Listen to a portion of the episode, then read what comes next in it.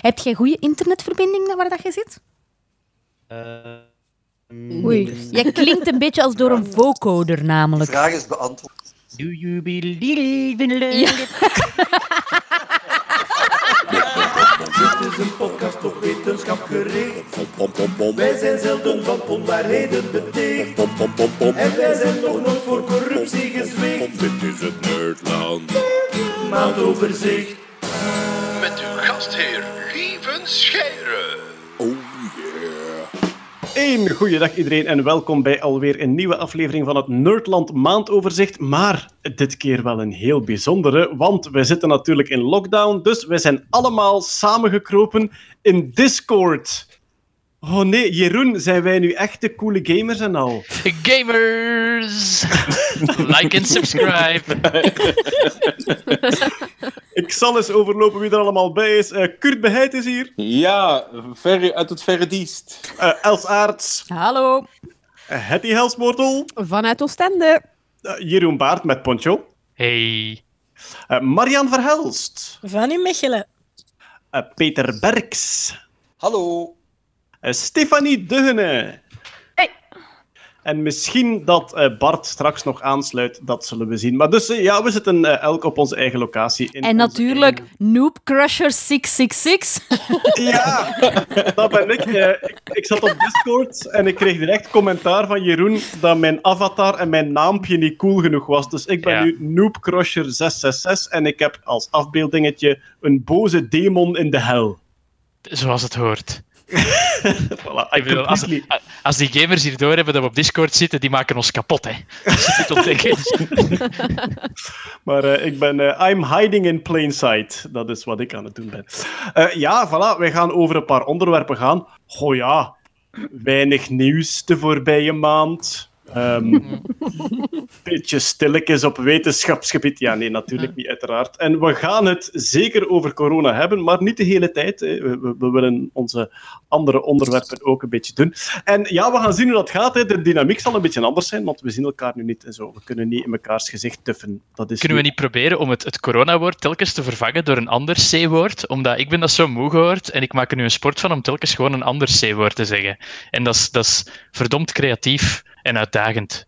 Om Ja, het telkens over, over concerten te hebben. Kijk, nee, geen kanker, het niet. Cocaïne. Godverdomme. Ofwel zeggen we, je bedoelt vast SARS-CoV-2. Ja, met- met- nu dat dat doortal stijgt, is dat een pak minder leuk geworden om zo pedant te doen. Dat wordt niet altijd even goed onthaald nu. Ja, dat is waar. Ja. Maar gelukkig is, de, gelukkig is de volledige RNA-code gepubliceerd, dus je kunt die gewoon van buiten leren, hè, Jeroen. Dat is waar. Ik zal eraan beginnen. Maar eh, ja, we gaan gewoon nog eens door het wetenschapsnieuws razen. En ik dacht, kom, we beginnen met leuk nieuws. Namelijk, dit verscheen op futurism.com. De Marslander van NASA, die nu op Mars rondrijdt, heeft zichzelf hersteld door met een schop op zijn kop te slaan. ja, repaired itself by hitting itself with a shovel. Op Mars rijdt dus een wagentje rond en, eh, met, een, met een boor. Die boor noemen ze ook wel de mole, omdat die echt zo ja, een, paar, een paar tientallen centimeter in de Marsbodem boort en daar dan metingen doet. En die zat vast. En die moest hersteld worden en dat was heel moeilijk. En dus was het uiteindelijke antwoord: wacht eens, dat andere stuk van die rover heeft hier een schop als we daar nu eens keihard op tikken. En het heeft nog gewerkt ook. Wat ook nog wel grappig was, is de, de ingenieurs hebben eerst een paar maanden geoefend om te slaan met de schop in simulaties. en dan hebben ze het in Nee. Allee. Ja, Maar ja, je hebt waarschijnlijk maar één kans om dat te goed te ja, doen. waarschijnlijk, ja. Dat is wel echt zo gelijk dat je naar een tv wilt stappen om zo een joefje te geven en eerst zo een paar keer in de lucht oefent. Zo. Of in simulatiecomputerspelletje. Ja, dat is een goeie. Maar zo heerlijk, omdat inderdaad, wat deden vroeger als er een apparaat mankeerde? Je, je klopte dan een keer op. Want je dacht, het gaat dan wel weer allemaal op zijn plaats zitten. Maar bij de NASA moet dat dan eerst geprogrammeerd worden. Ja. Moet daar een digital twin van gemaakt worden. Moeten ze daar een keer op slaan met een digital schop. Maar uiteindelijk heeft het wel gewerkt. Zochten ze vorige maand geen extra stuk voor op de Venuslander? Want ik denk dat ik een inzending heb.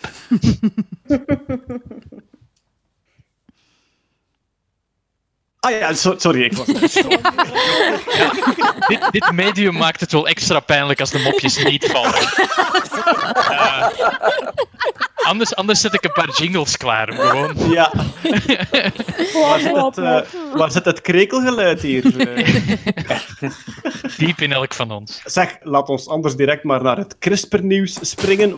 Wel, er is nieuws, het is CRISPR nieuws en CRISPR is de revolutionaire techniek om snel en goedkoop veranderingen aan te brengen. DNA van een leven welk organisme. Het die CRISPR is gebruikt in een ja, volwassen patiënt, denk ik.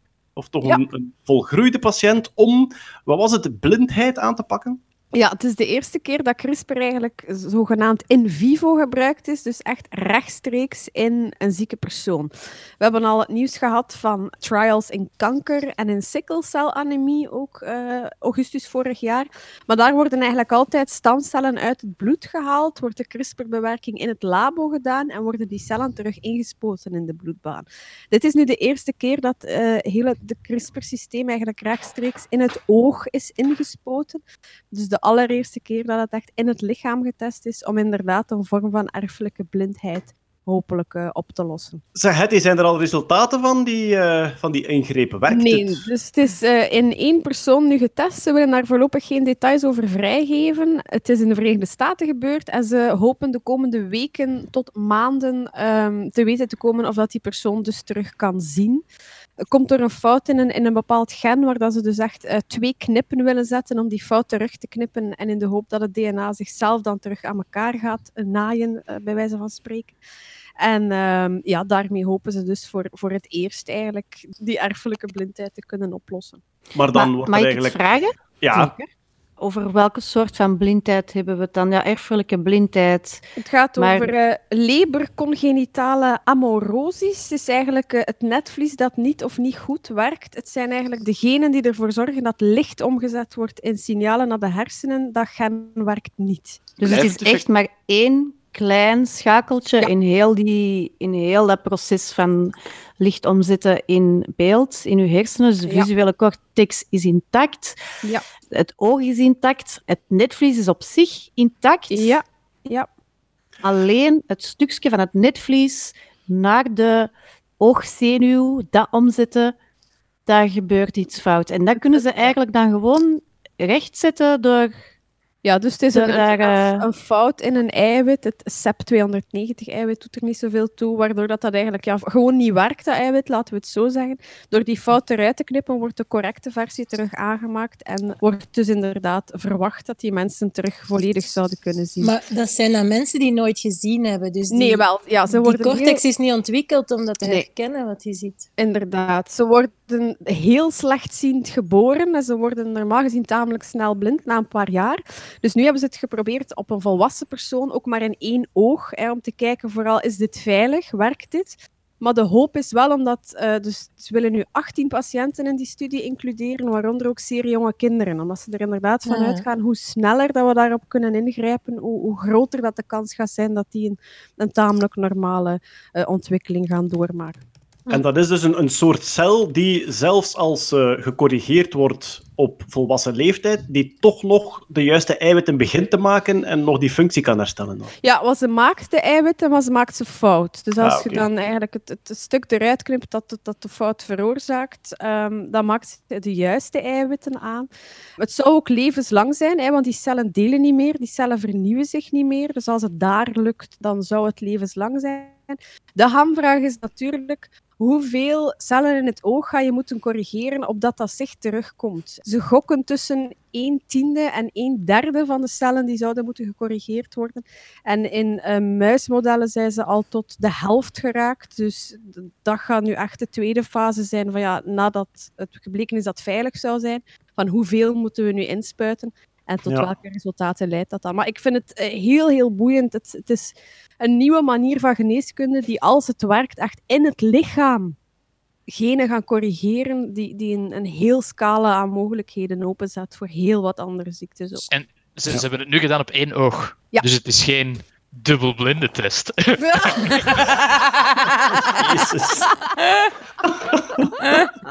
We moeten, we moeten misschien wel eens denken of dat je een jas kunt gaan halen als je thuis zit. er moet een jasgif zijn op disco. Ja, daar hebben de mensen thuis niks aan natuurlijk. Maar ik zal er een zoeken. Ja. Ja, ga jas.png halen.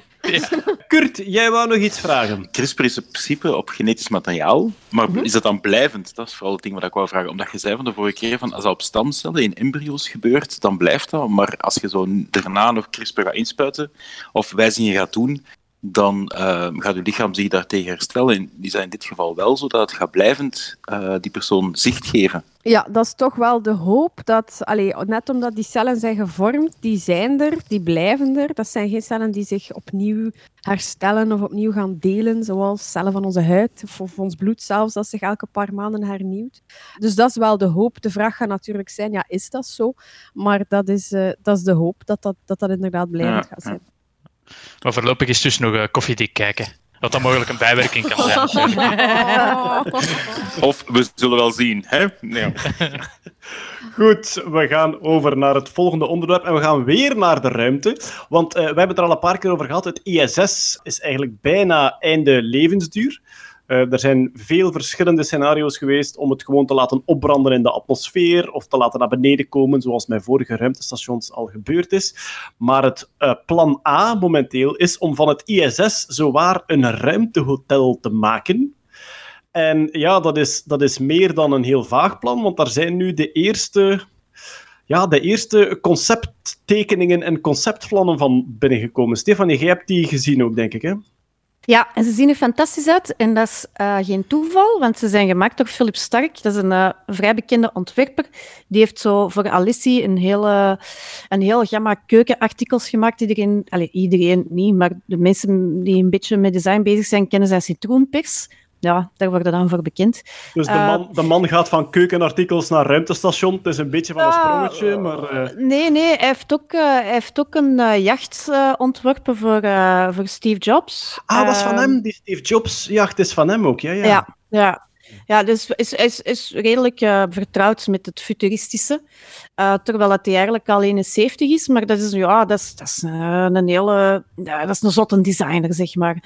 Ehm, maar dus ja, die, die, die pots, eh, die, die eggs eigenlijk, die eieren die, die, eh, die ze hebben ontworpen, die zien er voor mij echt ongelooflijk cozy uit. Als ik zo naar die foto's kijk, doet mij een heel klein beetje denken aan eh 2001 A Space Odyssey, maar dan gemengd met iets moderner. Ehm, het, is, het, is, is mooi. Het is echt heel mooi.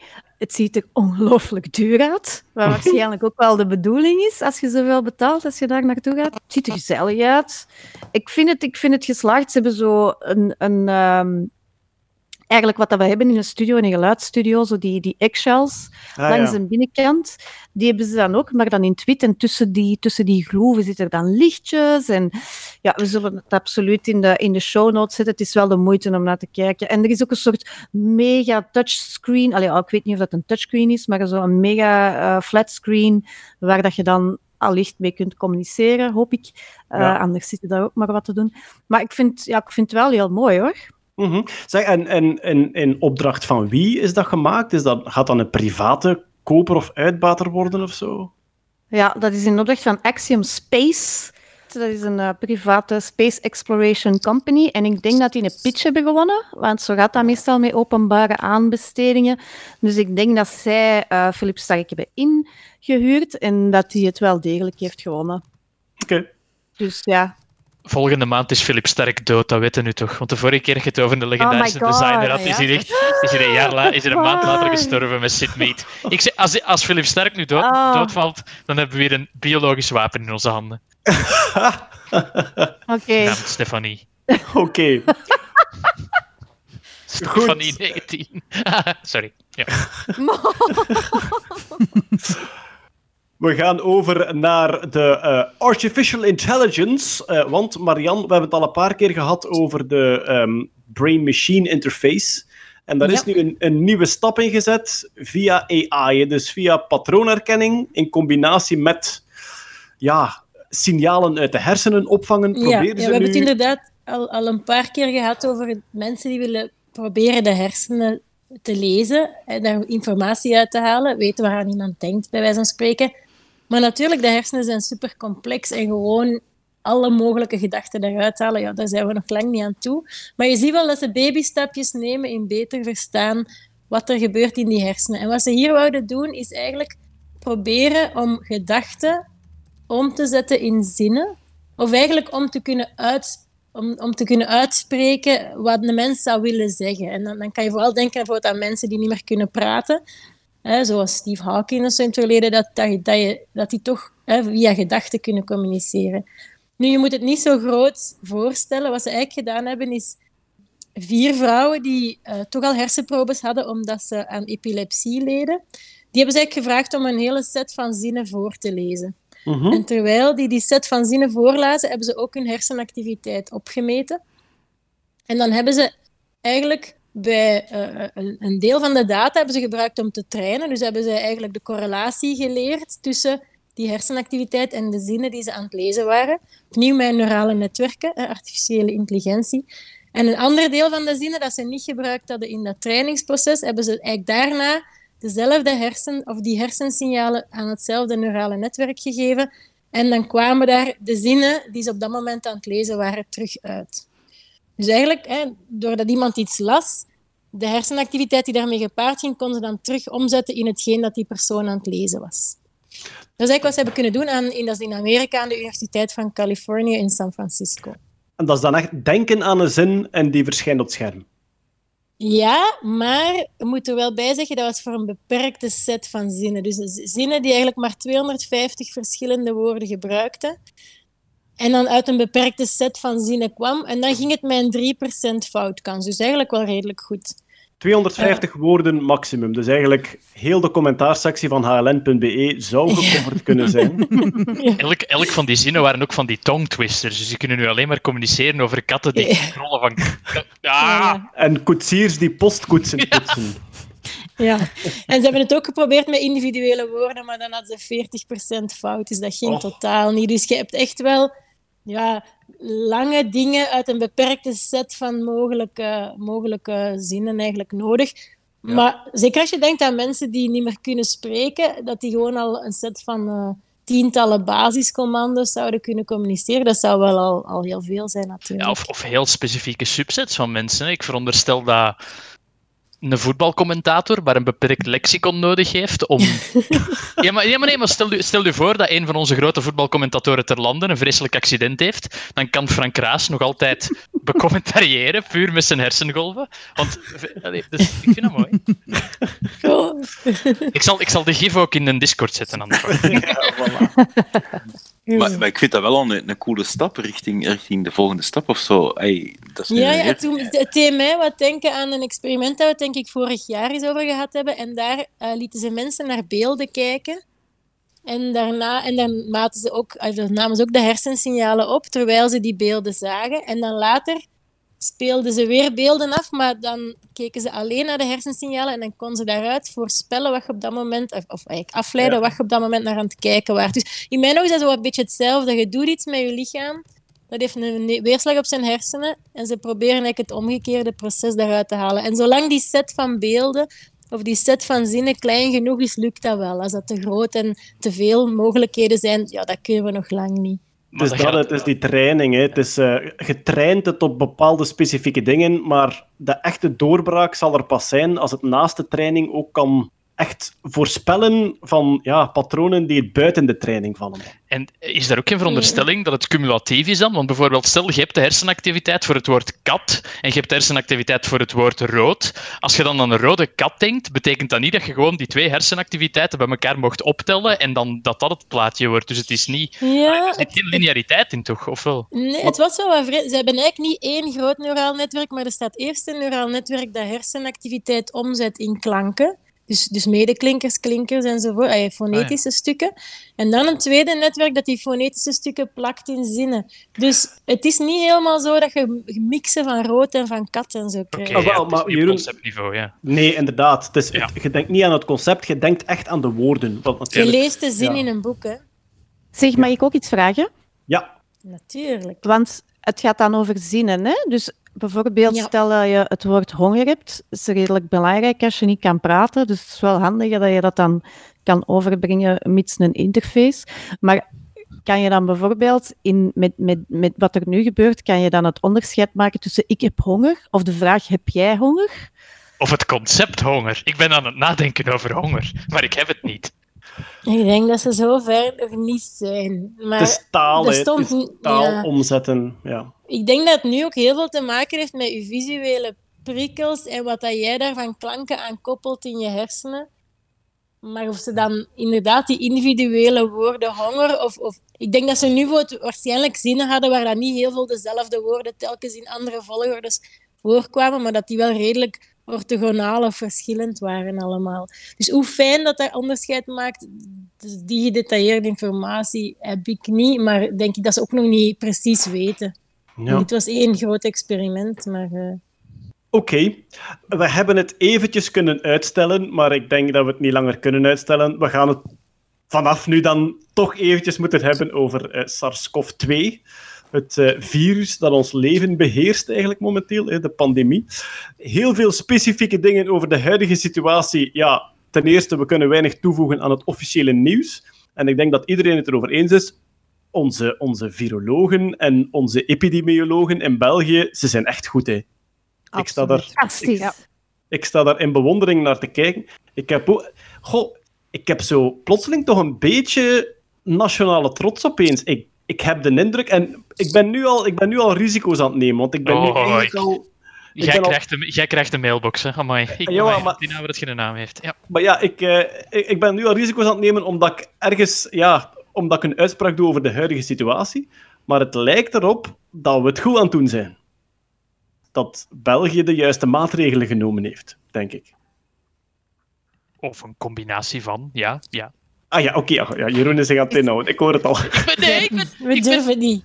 Ik, ik, ben de- ja, ik vind dat moeilijk. Omdat voor hetzelfde Ja. geld luisteren mensen hiernaar als de laatste drie man in België. En dan staan we er mooi voor lul. Dus nee, nee, nee, nee. nee. Maar gaan ja, ze niet hebben. Maar je hebt, je hebt gelijk, Jeroen, want onze vorige podcast, op het moment dat die uitkwam... Goed, we hebben, we hebben er nog iets aan toegevoegd vanuit de montage, maar op het moment dat die uitkwam... Jonas, mijn buurman, luistert ook en die zei... eh, het was een tijdsdocument. Maar, en ik heb daar zo aan geknipt, hè, jongens. Dat is echt Ja. niet normaal. Ja. De deze die gaat een beetje quick and dirty zijn. Hè? Allee, Ja, Als we nu kijken naar de grafiek die dat iedereen in, in toog aan het houden is, is zelfs een supergrave cartoon, allee, comic die, dat, die dat de ronde gaat van de tijd die je besteedt aan het kijken naar exponentiële grafieken. Ja. Dat die ook exponentieel naar boven gaat. Niemand Maar, snapt eh, exponentieel. Daar, oh, dat kan ik me kwaad. Sorry, sorry Stefan, ik kan niet onderbreken. Maar Ja. daar, daar, gaan, we- Ja. daar, gaan we nog, daar gaan we nog een kleine voetpijs over open doen. Sorry. Maar eh, voorzichtig positief is dat we een klein beetje onder die, allee, onder die uh, dat we de, de curve een heel klein beetje aan het flatten zijn. Hè? Heel klein beetje. Maar dat wil niet zeggen dat je morgen allemaal moet gaan barbecuen. Hè? Nee, ja, absoluut. Maar ja, goed, ik denk, misschien kunnen we nog eens een podcast doen algemeen over corona. Als het lukt, dat zal dan in ons geval niet over het nieuws van de dag zijn, want dat kunnen we toch niet halen van de zeer goede nieuwskanalen die er Mhm. zijn voor het korte termijn. Ik denk dat er wel nog wat... Allee, ja, ik zit zelf ook met vragen over ehm, eh, eh, vaccinatie en dan algemeen virologisch. Hè, van, van, hoe komt het dat sommige virussen door een vaccinatie volledig uitgeroeid zijn, terwijl de andere, zoals die een griep, zich toch weer zo snel aanpast dat je die niet vastkrijgt? Enfin, dat is misschien een onderwerp voor een keer een, een volledige podcast. Maar Absoluut, ja. ja, Hetty, we hebben het al over CRISPR gehad. En omdat CRISPR toch als een soort wondermiddel van de biomedische wetenschappen wordt voorgesteld, is de vraag uiteraard: kunnen we virussen kapot crisperen? Ja, ik krijg de vraag heel regelmatig. En het is natuurlijk niet onlogisch. Waarom niet? Omdat CRISPR eigenlijk afkomstig is uit het afweersysteem van bacteriën om zich te verdedigen tegen virussen. Ja. Ik ga hier dan nu weer niet helemaal uit de doeken doen. Wie wil, kan mijn boek altijd lezen. Daar staat het uitgebreid. Bij welke letter, bij welke letter is dat, Hetty? Bij welke letter van het alfabet heb je dat gefoefeld? Hoe, hoe, hoe heet dat boek nu weer juist? ja. Wacht, hè? De geknipte genen. Ah, ja, ja, ja. Van Hetty Helswortel. Nee, kom. Ehm, nee, maar ja, het in C is dan natuurlijk iets wat virussen kapot knipt. Hè? Dat, dat, dat, dat natuurlijk CRISPR-systeem. Wij hebben dan als mensen een beetje geherprogrammeerd en getweakt, zodanig dat we daar eigenlijk gelijk welk stuk DNA mee kunnen kapotknippen en dus aanpassen. Dus de vraag is niet, absoluut niet onterecht. En ze zijn er ook mee bezig. Hè. Ik ga wel zeggen, dat is allemaal nog in een zeer, zeer vroeg stadium. Hè. Als we zeggen, ja, ze zijn bezig met inspuiten in, in, eh, in de ogen dan staan we daar al een heel stuk verder mee. Dat is getest op muizen. Daar zijn we al heel lang, tamelijk lang mee bezig. Dit is heel nieuw. Jeroen is blij dat het Ja. getest is op Ja, ja. Alhoewel, in dit geval zullen er waarschijnlijk mensen roepen die zeggen van het is, we, we hebben geen tijd om dat te testen op muizen. Het is helemaal niet te vroeg. Hup. Ja, wel. toch, toch blijft dat belangrijk. Hè. Wat dat je ook ontwikkelt van medicatie of van vaccinatie, ik denk dat dat veiligheid dat dat daar nog altijd primeert. En, en eh, voor veel mensen botst dat en zeggen ze, ja, breng dat gewoon op de markt. Dat was in de tijd met HIV ook voor een stuk van, ja, er is iets, maar het was nog niet volledig getest. Eh, moet je dan het risico nemen om eventueel nog meer schade te doen? Allee, dat zijn altijd heel moeilijke afwegingen. Dat is iets Maar ja, Jeroen, Jeroen, ik moet nu wel zeggen, ehm, de, wat dat je heel vaak hoort als de, als de virologen geïnterviewd worden over wanneer kunnen we de maatregelen afbouwen, of wanneer kunnen de scholen terug open. En dan is het antwoord Oh. heel vaak, dat is nog te vroeg. En automatisch in mijn kop hoor ik ja. u die zegt, getest dat eerst op muizen. Ja, maar niet. Ja, maar ja. Dus scholen vol muizen is de volgende fase. Sowieso. Maar dus zijn ze daar eigenlijk met CRISPR met, met drie dingen bezig. Allee, heel kort, enerzijds richting medicatie natuurlijk. Hè. CRISPR is een krak in het herkennen van heel specifieke sequenties, DNA of RNA, hè, opeenvolgingen van letters, om dat kapot te knippen. Dus het zou het virus kunnen kapotknippen. Ook naar diagnose toe. Ook in een staal kan dat heel makkelijk of heel snel een specifieke sequentie opsporen. Dus ook daar zijn nu nieuwe platformen uitgekomen die eigenlijk op basis van CRISPR een signaal geven als het virus al dan niet in het staal aanwezig is. En richting vaccinatie, maar dat is nog heel ver weg, zijn ze ook aan het kijken van ja, kunnen we dat op voorhand al die, ja, dat hele CRISPR-pakket ergens in een lichaam binnenbrengen, zodanig als dat virus aanvalt of binnenkomt, dat dat in werking kan treden. Maar dat is opnieuw, dat zijn allemaal dingen die, die in een heel vroeg stadium zijn, maar kan mogelijk, ja, over Maar een aantal we- jaar, als dit opnieuw gebeurt met een ander corona of ander virus, We kan hebben de sequentie toch? We hebben Ja, de ja. sequentie toch? Ja, Ja, pak, het, pak uw kladblok even. A-U-U. Ja. A-A-A-G-G. Ja. Dan drie U's, dan een A. Dan is, we, hebben, we hebben dat toch? Ja, ja. Oké, maar wa- wat ik, wat ik aan, aan inderdaad denk van hoe CRISPR is in bacteriën een systeem dat virussen uitschakelt, maar alweer bij een bacterie zit dat ingecodeerd in het eigen DNA. Ja, voilà. En als, Ja, als volgroeide mens, als volgroeide mens kun je niet meer van elke cel je DNA aanpassen. Meer zelfs, elk stukje CRISPR-code in een bacterie is specifiek voor één virus. Dus je zou dan voor elk nieuw virus iets nieuw moeten inprogrammeren in een mens van voor de geboorte. Ja, op die manier valt Maar ik denk niet dat ze het echt zouden inprogrammeren. Ik denk dat ze het als een soort medi- medicijn zouden gebruiken Ja. ook. Hè. En, en ja, iets dat, ja, ik zeg het, ingespoten wordt of toegediend wordt en, en daar even zijn werking doet. Je moet ergens ook misschien geen... Als het over medicijn gaat, moet dat niet levenslang. Hè. Dat van ook ja. niet levenslang. Hè. Dat werkt... Hè. Zolang dat werkt, is dat virus kapot, dan zijn ze genezen. Ja. Dus om dat echt te gaan inprogrammeren, nee, dat, is, dat lijkt mij een, een, een zeer grote stap te ver. Dan moet je dat voor alles doen, dat gaat ook niet. Ja, maar ja. dus om, om concreet op die vraag te antwoorden, ja, er zijn echt onderzoeken naar Jennifer Doudna, de ontdekster van CRISPR, is ook bezig daarmee. Dus eh, dat opent heel veel mogelijkheden en perspectieven op lange termijn. Ja, Ja, we hadden het net over, Jeroen zei al, de, de RNA-code, want het is een RNA-virus. hè, ja dus... het is een RNA-virus, ja. Ja, dus dat virus heeft geen eigen DNA, heeft dan RNA dat het binnenbrengt in de cel. Mhm. En dus dat RNA gaat dan buiten de celkern blijven en daar dan het hele systeem in gang zetten om kopieën te laten bouwen van dat Mhm. virus. Die code is eh, bekend. Eh, meer zelfs, er wordt zelfs, ja, die code wordt heel regelmatig opnieuw uitgelezen bij patiënten om te zien hoe die evolueert en ook Ja. waar die vandaan komt. Er zijn hele mooie kaartjes Absoluut, ja. waar dat je kunt zien eh, hoe het virus vanuit Zich China verspreid heeft, ja. ja. Eigenlijk, als je ziek wordt in België, kun je zien of dat je besmet bent vanuit een Chinese oorsprong, Italiaanse oorsprong, Spaanse oorsprong, of misschien zelfs al lokaal Belgische oorsprong, Ja, als die klopt. al bestaat intussen. Eh, maar er stond een beauty van een wetenschapsartikel in de New York Times, ik denk gisteren of Ja. vandaag. De volledige RNA-code van het SARS-CoV-2-virus met bij elk stukje coderend RNA. Ook nog eens welk eiwit dat gemaakt werd en wat de functie daarvan was. Mooi, hè? Ja, Het, ja, het was, ja, prachtig. Ja. het was wonderlijk hoe dat ze het in dit detail nu al kunnen brengen hebben. Dat was een mooi krantenartikel, maar ik heb nog een betere krantenkop gevonden een week daarvoor. Hij luidt als volgt: Verdachte van moord op Silvino Aquino besmet met coronavirus in de cel. Waarop zelfs Mark van Ranst heeft moeten antwoorden dat dat correct is. Oh, die Dat is eh, ja, die is gekloond, denk ik. Want... Dat is waar. Dus Jeroen, eh, ik, ik, wil eff- ik wil even dat dat op uw Wikipedia-artikel komt. Je hebt een van de belangrijkste virologen van dit land, midden in de crisis, minstens 15 seconden tijd afgenomen met een jasmop. Echt, En ik zou het allemaal opnieuw doen. Er is trouwens ook, dus in België hadden we de eerste kat die besmet werd door Ja. corona. In New York, in de zoo, is er nu een tijger besmet met Oh, corona. no. In de Bronx. Ja, Ja. meer dan... Ik dacht, en een leeuw ook. En zo. Allee, er waren verschillende katachtigen die Maar symptomen wat- vertoonden. Hè? Wat werd er gemeld in het artikel Tijger besmet met eh, SARS-CoV-2? Ook Joe Exotic, Ja, bekend ja. van de huidige Netflix-hype Tiger King, die in de gevangenis zit, is in quarantaine gezet met SARS-CoV-2-symptomen. Dus niet alleen een tijger, maar ook nog eens de Tiger King. Trouwens, is er iemand die het volgt, Tiger King, op Netflix? Ja, ik heb het gezien, ja. Al mijn vrienden is- zeggen dat ik dat moet zien, maar nee. Het is, het is zottekes, het is eh, Temptation Island in het kwadraat qua reality eh, madness. eigenlijk. Wat dat van die tijger in de, de zoo in de Bronx wel, want ik zag mensen daarop reageren van ja, ze kunnen hier al potverdorie al onze mensen in de woonzorgcentra niet testen. En die tijger zit daar testen in te pakken. Dat zijn aparte testen blijkbaar. Dat is een ander labo. Die, de- die mensen van de zoo hebben daar direct twee uur later moeten reageren. Nee, nee, nee, nee die tijger heeft, die heeft geen mensentest afgenomen. Het is oké. Eh, dus dat is misschien nog wel belangrijk om te vermelden. Want ik moet zeggen dat dat mijn reactie ook eerst was. Van, En uiteraard hebben ze die tijger zijn hoestje behandeld met. Tijgerbalsem.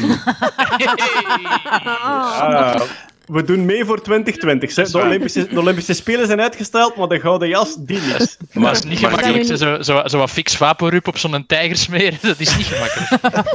Het is wel een beetje vreemd, toch? Op zich, dat die tijger besmet wordt. Ja, Ja, ik bedoel, ah, wel ja, die, maar kat en, die, allee, die ene kat en die ene hond. Hè, er is Ik- ook nog een hond ik- in wat China, denk ik. Ja, maar- wat ik van het hondje gelezen had, is dat dat een hondje was dat heel affectief met zijn baasje aan het gezicht gelikt en gespeeld had. En dat hij eigenlijk gewoon ja, in zijn nasale holtes en weet ik veel wat, eigenlijk genoeg materiaal aanwezig had om positief te testen, maar niet noodzakelijk het zelf had. Dus vandaar Ah, wel. ik met die tijger ook een Ah, ja, beetje... dat, ja. dat, was Wel- toch, dat was toch het Ja. ding met die, met die poes? Dat Ah, wel, ik kan daar de Radio 2-kant van binnenbrengen. De poes Ah. stelt het goed, is eh, helemaal hersta- is, is niet gestorven of zo eraan. Heeft die poes al een eigen programma, Els? Ja, de madame en de poes. niet, niet van de poes.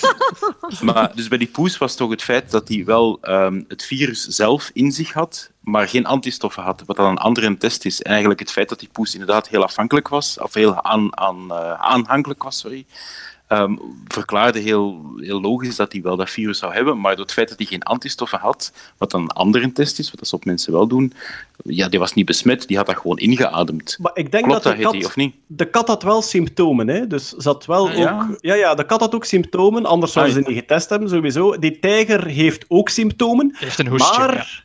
Maar Hetty, en dan eh, kijk ik in jouw richting, enfin, via de webcam die niet aanstaat, maar ehm, dat, is, dat is toch een beetje heel dat raadsel van die zoonoses. Ziekten springen heel soms over van één diersoort op een ander, maar wat er nu gebeurt in die pandemie, ze is niet alleen overgesprongen, ze verspreidt zich ook onder de mens en dat gebeurt zelden eigenlijk. Ja, inderdaad. Ik denk in de kennis van nu, uw nieuw programma op NPO, eh lieve. Inderdaad, is ja, ook op, eh, ter sprake gekomen. Inderdaad, er zijn regelmatig virussen die overspringen van dier op mens. Het is tamelijk zeldzaam dat die virussen zich dan ook nog eens van mens naar mens gaan verspreiden. Eh, maar bijvoorbeeld bij HIV is dat ook het geval geweest. Hè. Dat is uit de apen gekomen en, en heeft zich dan in de mensen nog verspreid. Maar ja, en dat dat dan nu terug zou springen op een andere diersoort, ja, dat, ja het is heel nieuw allemaal. Het is allemaal nog, nog in onderzoek. De, de Dus, eeuwige ja. vraag, Getty. Hoe is HIV van de aap naar de mens gekomen? Leg dat nog eens uit. Voor... Ja. Ja, maar nee, dat... ik ga het mopje niet maken, maar veel mensen denken dat. De meest gangbare theorie is een jager, hè, die dus Ja. eh, bushmeat ging eh, jagen en ja, bij de jacht zichzelf verwondt. Als er een wonde is en geslacht een dier en dat bloed komt in uw wonde, dan heb je het dus vlaggen. Ja. Nee, ik ga voor de mopjes uitleg. Sorry.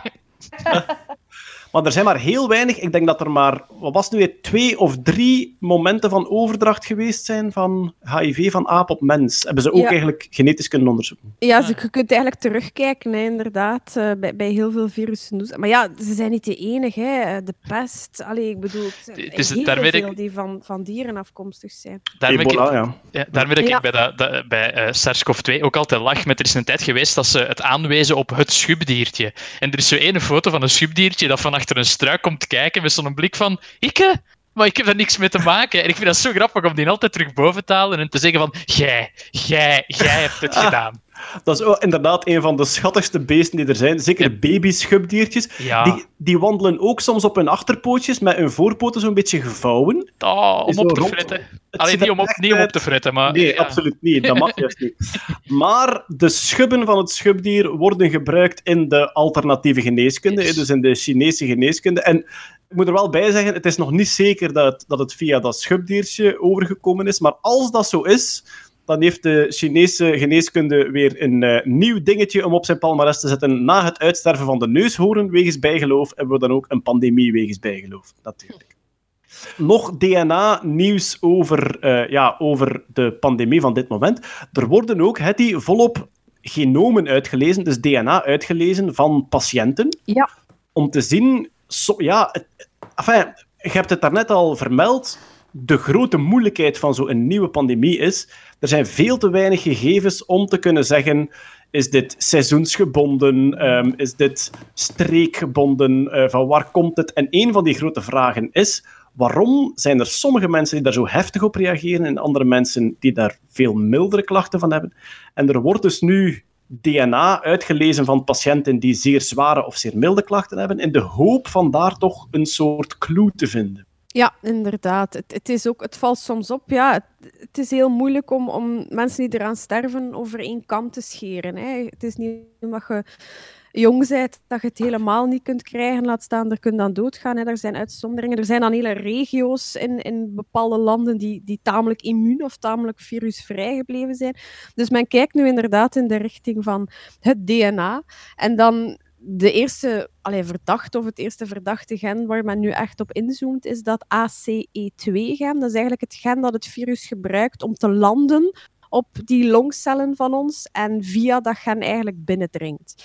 Ehm, dus er wordt vermoed, misschien als er mutaties zijn, als dat, dat oppervlakte-eiwit, als dat een beetje er anders uitziet bij bepaalde mensen, dat het virus zich moeilijker kan vasthechten of moeilijker kan binnendringen. Dat is trouwens ook het hele verhaal van hè, onze Chinese vriend met de CRISPR-baby's. Die heeft dat CCR5-gen aangepast. Dat is het, het oppervlakte-eiwit dat het HIV-virus gebruikt om binnen Ja. te dringen in onze cellen, in de hoop dat die, die kinderen of die baby's dus voor de rest van hun leven geen HIV meer zouden kunnen oplopen. Hè. Dus men kijkt in de richting van ja, de entry points die zo'n virus gebruikt om onze cellen binnen te dringen, dat is één. En twee ook, hè, heel veel mensen overlijden eigenlijk door de reactie van ons immuunsysteem op dat virus. Hè. Er is een, Mhm. een enorme ontstekingsreactie dat dan voor allerlei orgaanfalen zorgt. En eh, misschien zijn bepaalde genen verantwoordelijk voor een heftigere immuunreactie ehm, bij bepaalde mensen en eh, verhoogt dat dan de kans op overlijden. Dus ik vind dat een heel, heel interessante onderzoeken. Er zijn daar een aantal hele grote biobanken voor aan het gebruiken, onder andere in het Verenigd Koninkrijk. En dan mensen die daarin zitten aan het vragen, ja, heb je symptomen of, of ja, zijn er overlijdens en zo. Dus je hebt voor zoiets natuurlijk hele grote datasets nodig, maar ehm, ja, die hebben zich misschien wel opgebouwd de voorbije jaren. Dus ik ben heel benieuwd of dat daar iets uitkomt en wanneer. Ja, ik ging net dat voorbeeld geven van inderdaad eh, de, de, de CRISPR-poging van eh He Jiankui Mhm. was eigenlijk dus een genetische variant die in eh, Scandinavische landen voorkomt, die HIV-resistent maakt Ja. en die hoogstwaarschijnlijk ook afstamt van een pandemie waar er een hele zware natuurlijke selectie geweest is. Ja, ja, ja, het is juist. Ja, de pest, hè. Ja, Ja. inderdaad. Ja, klopt. Ja, kijk, zover had ik nog niet gedacht. Ja. Ja, en, en nu bij, bij, de, enfin, bij, bij de, de, HIV, de HIV die heel zwaar huisgehouden heeft in Afrika, merken ze nu ook een genetische verandering daar ook. Hè, omdat, ja, dat zijn... Natuurlijke selectie, hè, voor een Ja, en dat zijn eigenlijk termen, want ja, dit is de zwaarste pandemie die onze generatie meegemaakt heeft. Ik denk, als we kijken naar de wereldgeschiedenis, dat het niet eens een echt hele grote is. Hè? Want we hebben al veel zwaardere zien passeren met Spaanse griep en de pest enzovoort. Maar het is de zwaarste van onze generatie. Maar ik denk dat HIV nog, allee, met miljoenen klopt, doden ja. nog altijd een stuk. Lieve en Hetty vanuit de montage. We willen ons met klem. Nee, nee maar het is waar, absoluut. Hè? Qua, qua aantal doden enzovoort. Maar qua korte termijn onmiddellijke maatschappelijke impact Ja. Is ja. dit door de, basmet, door de besmettelijkheid iets, iets ongezien voor onze generatie. Maar termen als natuurlijke selectie, dat zijn dingen die wij niet graag in de mond nemen, natuurlijk. Hè. Nee, nee, nee. Wij hebben, onszelf, wij hebben onszelf wijsgemaakt dat die tijd voorbij was. En Mhm. voor, voor een heel groot stuk is onze gezondheidszorg dat de baas geworden. Maar nu komen we een beetje in aanraking met, ja, nog, waarschijnlijk nog geen 100 procent. Nee, klopt. Ja. Die, en ja, een stuk het geloof in de maakbaarheid van ons allemaal. Hè, van we zijn allemaal gelijk en we hebben inderdaad dezelfde... Als we dezelfde toegang hebben tot dezelfde gezondheidszorg, dan hebben we dezelfde kansen. Maar dat blijkt dan inderdaad toch niet, niet het geval te zijn. Ja, er blijft altijd een stuk genetica achter zitten, natuurlijk.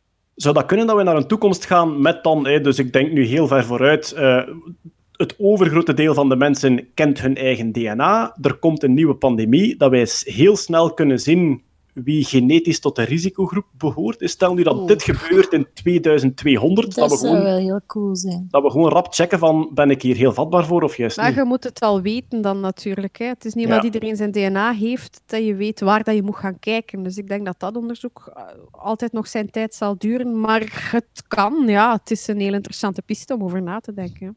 Want je, gaf net al de uitleg van ja, de, de wand van onze cel, hè, al die eiwitten die eigenlijk de wand van onze cel eh, maken, die komen uit ons DNA, die, die staan daarin beschreven.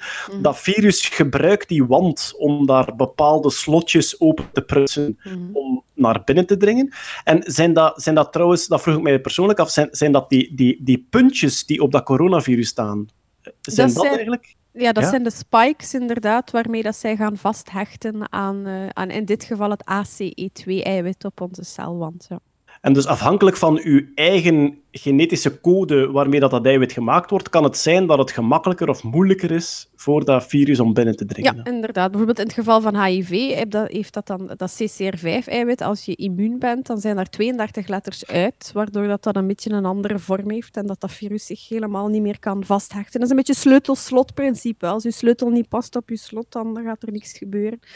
En dat is hier ook ehm, de analogie. Dus het virus is een inbreker, die heeft ergens valse sleutels kunnen bemachtigen om onze cellen binnen te dringen. En bij sommigen van ons is het slotje veranderd en raakt het niet binnen eigenlijk. Ja, een beetje verwrongen zou je kunnen zeggen, of, of ja. al verroest, of allee, ja, whatever. Maar, inderdaad. Maar ja, kijk, het, het zijn helaas vreselijke tijden, maar wie zich toch wil verdiepen in de, in de biomoleculaire wetenschappen, die, die geweldig intrigerend zijn, die kan, ik denk, ten eerste terecht bij dat artikel in de New York Times, komt zeker in onze Mhm. show notes. En Karel Zimmer, Karel Zimmer heeft trouwens een fantastisch boekje geschreven, A Planet Ja. of Viruses. En dat gaat niet alleen over pandemieën en menselijke virussen, maar dat gaat over het virus als bestaansvorm. Want levensvorm is zelfs moeilijk om te zeggen, hè. leeft het eigenlijk wel. Maar het virus als bestaansvorm in onze volledige biologie en onze volledige wereldgeschiedenis eigenlijk. Mhm. Hij is ook de auteur trouwens van een, een fantastisch boek, She Has Her Mother's Love, over, over genetica, over, Juist, over ja. erfelijkheid. Dus dat is een, een topwetenschapsjournalist, die, die Ja. is een bioloog, denk ik, die ontzettend goed werk doet. Ja. Klopt, ja. Karel Zimmer, die eh, mag je opzoeken en daar mag je heel veel van lezen. Maar we hebben het zo net gehad over dat bolletje met die puntjes op. En ehm, mensen die het nieuws volgen op de tv en de kranten, die zien heel vaak afbeeldingen van dat SARS-CoV-2-virus. Maar er is eentje dat er echt uitspringt. Er is eentje die eigenlijk wereldwijd constant terugkomt. En Stefanie, wij, hebben, hier, wij hebben hier zowaar te maken met Science Illustrator News. Hè. Dus er is iemand die echt geweldig veel tijd en werk gestoken heeft in een zo goed mogelijk eh, afbeelding van het SARS-CoV-2-virus. En dat heeft geloond, want die gaat nu echt de wereld rond. En eh, dit is waarom wetenschapsillustratie belangrijk is. Want een foto zegt veel, maar een illustratie kan nog veel meer zeggen. En er zit een textuur in Dat is dus een 3D-animatie. Ze hebben daar een textuur in gebracht om het extra tactiel te maken, om het extra echt te maken. En er is zelfs een heel bewuste keuze geweest in de belichting. Want als je goed kijkt, dan zie je dat die spikes, waar Hitty het er juist over had, dat die heel lange cast shadows hebben. Dat zijn dus de slagschaduwen. En waarom doet men dat? Men doet dat meestal om iets dramatisch te maken. Dus daarom zijn die, die, die schaduwen daar zo lang in gemaakt, om het, om het dramatisch en dan die textuur, om het, om het tactiel te maken. En het grootste compliment dat de illustrator had gekregen, zei ze zelf, is dat er mensen nachtmerries van krijgen en dat ze het visualiseren in de supermarkt. Dus elke Oh, keer als ze daar rondlopen in de supermarkt, dat ze dat zien. En dat is eigenlijk, ja, oké, ik zeg het, het is, het is misschien een beetje ongepast of weet ik veel wat. Nee, het eigenlijk niet. Dat is eigenlijk de bedoeling. Het is de bedoeling dat je met een illustratie duidelijk maakt waar het over gaat. Dus je gaat dat niet te fluffy maken, je moet dat niet te schattig maken. Dat is goed voor kinderboekjes.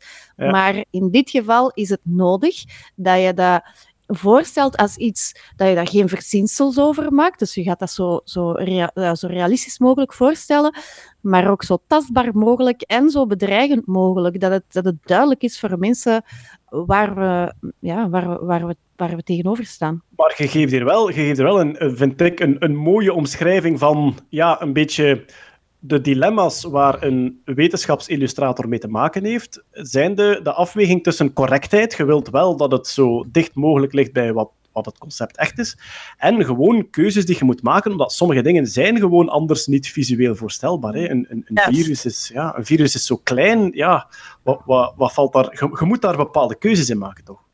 Inderdaad, en dat is waarom dat wetenschapsillustratie nog altijd bestaat. Het lijkt een soort uitgestorven beroep, hè, want je kunt toch alles fotograferen en dit en. Maar eigenlijk, als je een heel duidelijk beeld wilt hebben van iets, dat kan van een insect zijn, dat kan van een virus zijn, dat kan van een, een geboortedefect zijn, ik zeg nu zomaar iets, dan is het meestal duidelijker als je er een illustratie van maakt, omdat je met heel veel verschillend beeldmateriaal, met heel veel verschillende informatie, dat je daar inderdaad keuzes kan maken van wat laat je zien, wat laat je niet zien, wat licht je uit. Eh, wat is er hier belangrijk? En, en ja, zo werkt gewoon, zo werkt illustratie, zo werkt design ook. Hè. Je, je moet Mhm. keuzes maken en je, en je geeft een hiërarchie. Dat is heel belangrijk, een heel belangrijk woord. Je geeft een hiërarchie aan hetgeen wat dat je toont. En hoe heet de illustrator van dit- deze? Haar naam is eh, Alissa Eckert. Eh, zij is eh, medisch illustrator voor eh, Centers for Disease Control and Prevention. CDC. En, Ja. Maar Ja, ze is niet aan haar proefstuk toe. Hè. Ze heeft al verschillende virussen eh, geïllustreerd. Ze heeft eh, die birth defects waar ik over sprak, daar heeft ze ook geïllustreerd. Dus dat is, eh, dat is een heel professioneel illustrator. Misschien nog één keer de naam, dan kunnen we zelf verder op zoek gaan. Eh Alyssa Eckert. En Eckert spellen we E E-C-K-E-R-T. Oké, komt sowieso Ehm, ook in de Aan, show aanvulling, het is, het is publiek domein, de foto. Ah, de tekening, sorry. Hij staat blijkbaar in public domain, ja. Ja, this Dus- image is in the public domain cool. and thus free of any copyright restrictions. Oh, dus we kunnen die Ah, pakken, daar- kunnen daar Ah, snorkjes op tekenen, we kunnen daar zot mee gaan. Tenzij dat hij Ja, share alike staat, dan mogen ze Ah, nee, hij ja. staat, hij staat public domein gewoon. Je, je moogt hem zelfs herwerken en opnieuw, je moogt hem zelfs, je moogt hem zelfs commercieel gebruiken. Eh, wat, dat, wat, dat niet altijd, eh, ja, wat dat niet altijd zo is bij, bij dat soort Creative Commons licenties bijvoorbeeld. Maar, Stefanie, is dat ook geen afweging? Omdat het, het feit dat, dat deze illustratie zo huge geworden is wereldwijd, is enerzijds omdat ze gewoon echt heel goed is, en anderzijds omdat die ook public domain staat. Is dat ook soms geen afweging als illustrator van ik wil wel dat gebruikt wordt, maar ja, ik moet er ook iets aan verdienen? Ja, weet je, als ze mij dat hadden gevraagd, dan had ik dat absoluut in public domein gezet. Maar dat is nu echt een wetenschapsillustratie. Hè? Dus eh, wat dat ik doe, is, is, is, is, eh, is iets anders. Ja, ik, ik merk wel dat, dat deze maand hebben wij met de, met de illustrator community hebben wij heel veel dingen weggegeven. Hè. Er- Dus eh, Ah, we, hadden eigenlijk, we hadden eigenlijk kinderboekenmaand. Dat is volledig in het water gevallen.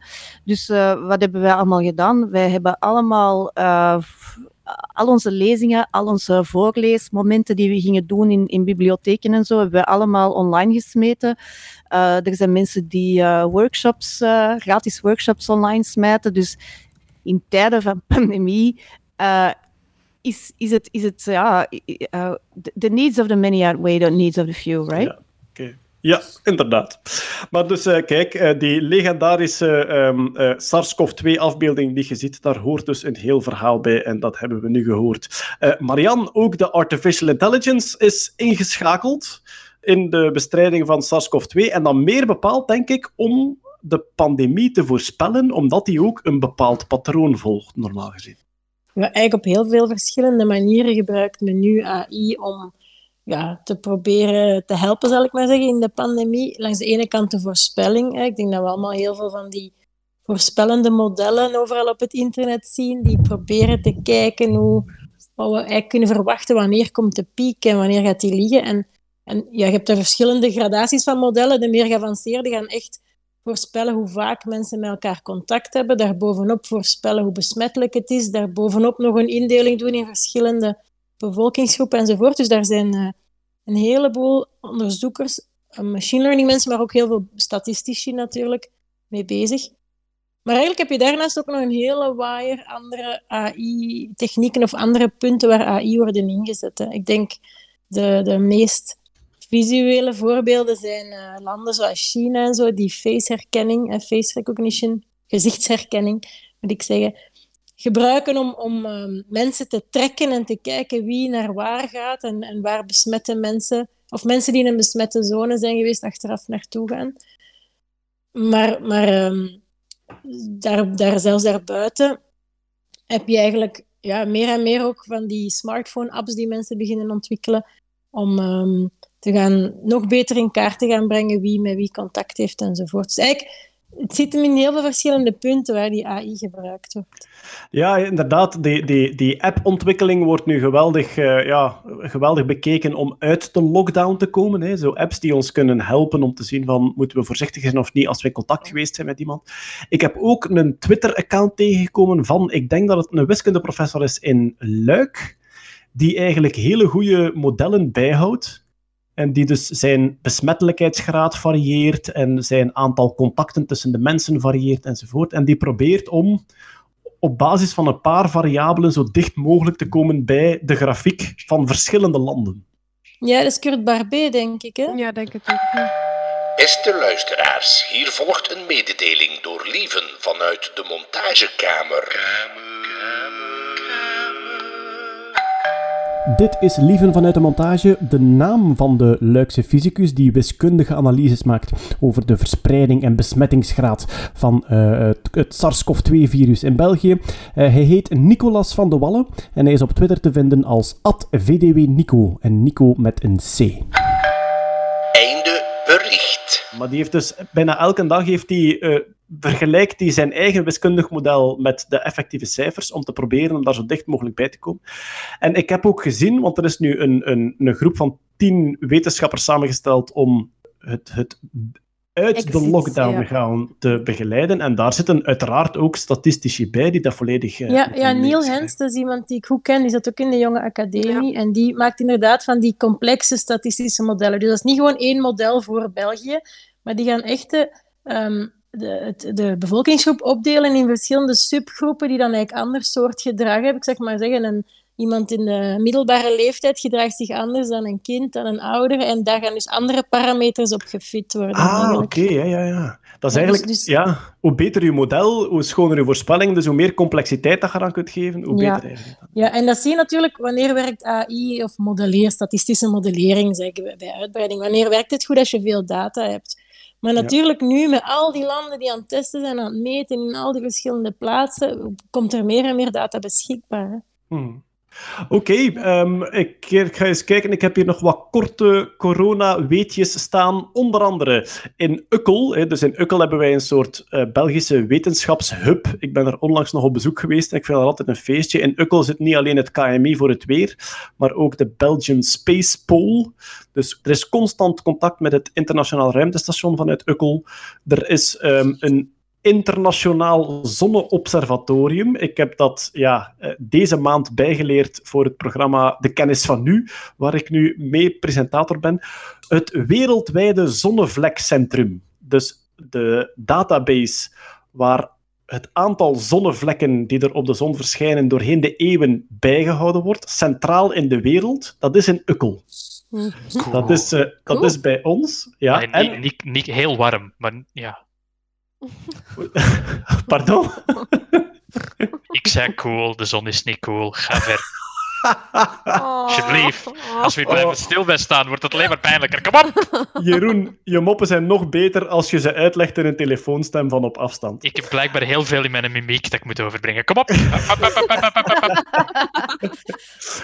Eh, maar daar zit ook een eh, seismisch centrum, dus daar worden ook eigenlijk eh, ja, eh, aardtrillingen gemeten. En ehm, de vorige keer dat die in het populaire nieuws waren, was toen dat ze de verschillende goals van de Rode Duivels op het WK voetbal konden zien op hun detectoren. Hè.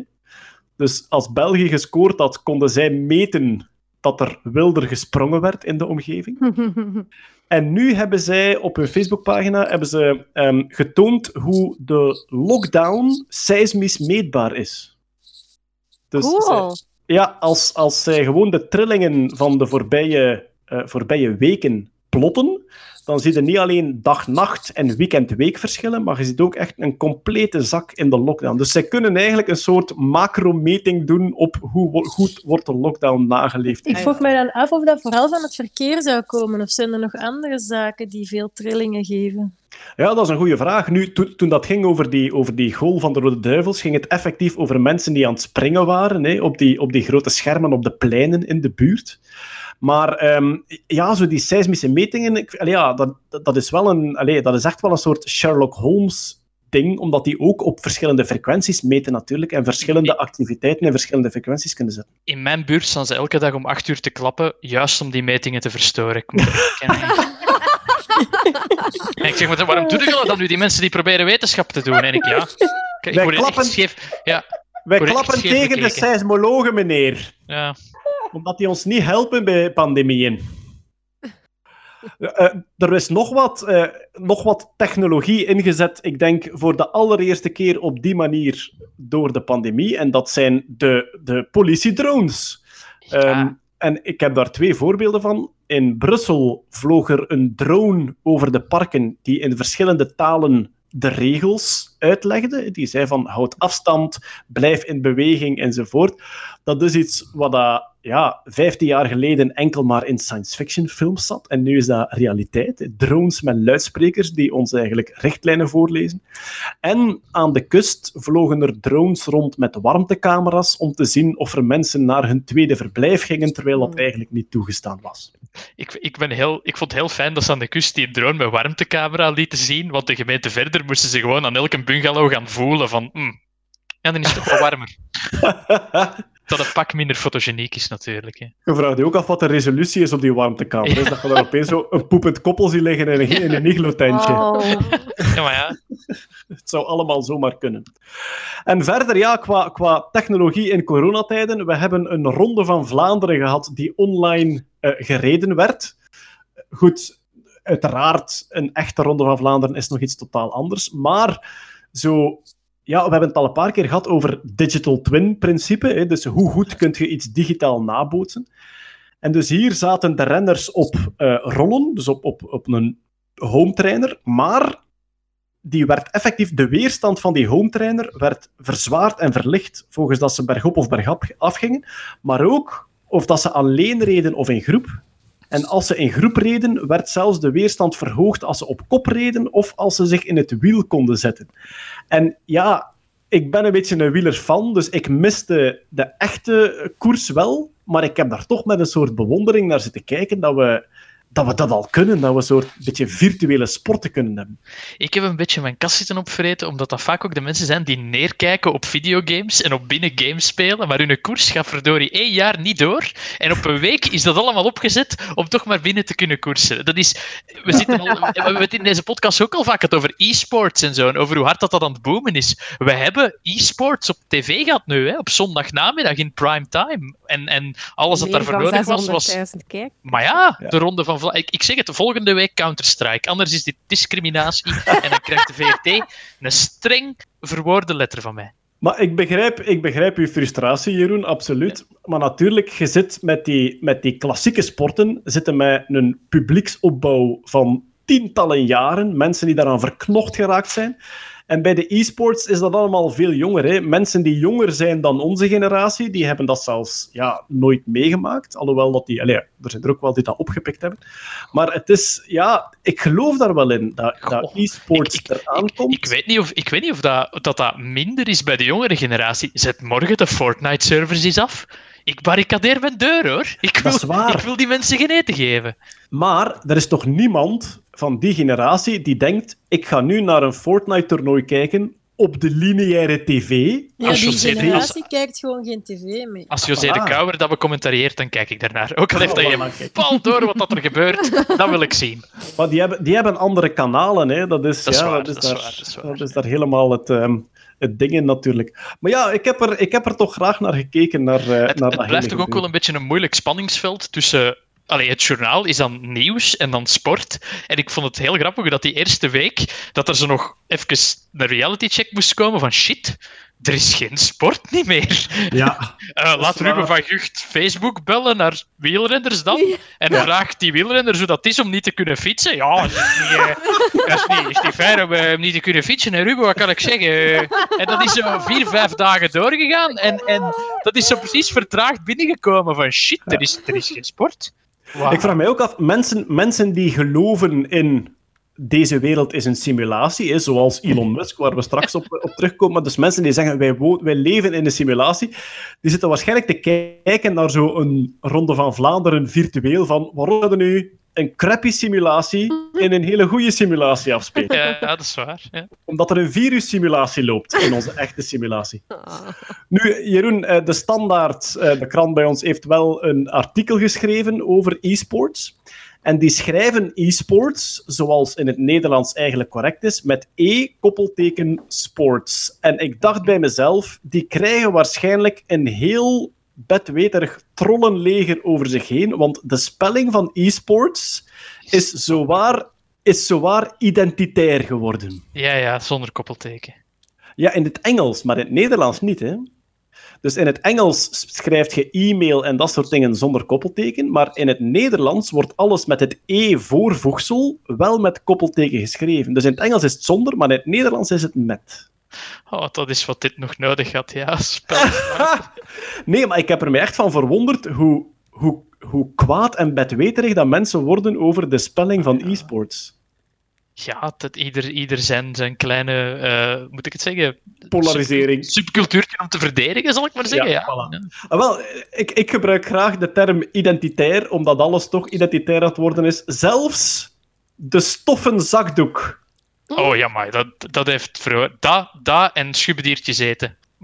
Ah, wel, dus ik had, ik had op Twitter iets gezet van... ehm, snuiten in een stoffen zakdoek is momenteel echt geen goed idee. Hè. Er gaat een pandemie rond. En ik kreeg daar dus echt reacties op als... Don't touch my stoffen zakdoek. Hè. Zo'n beetje only from my cold dead hand dingen. hè. Dear.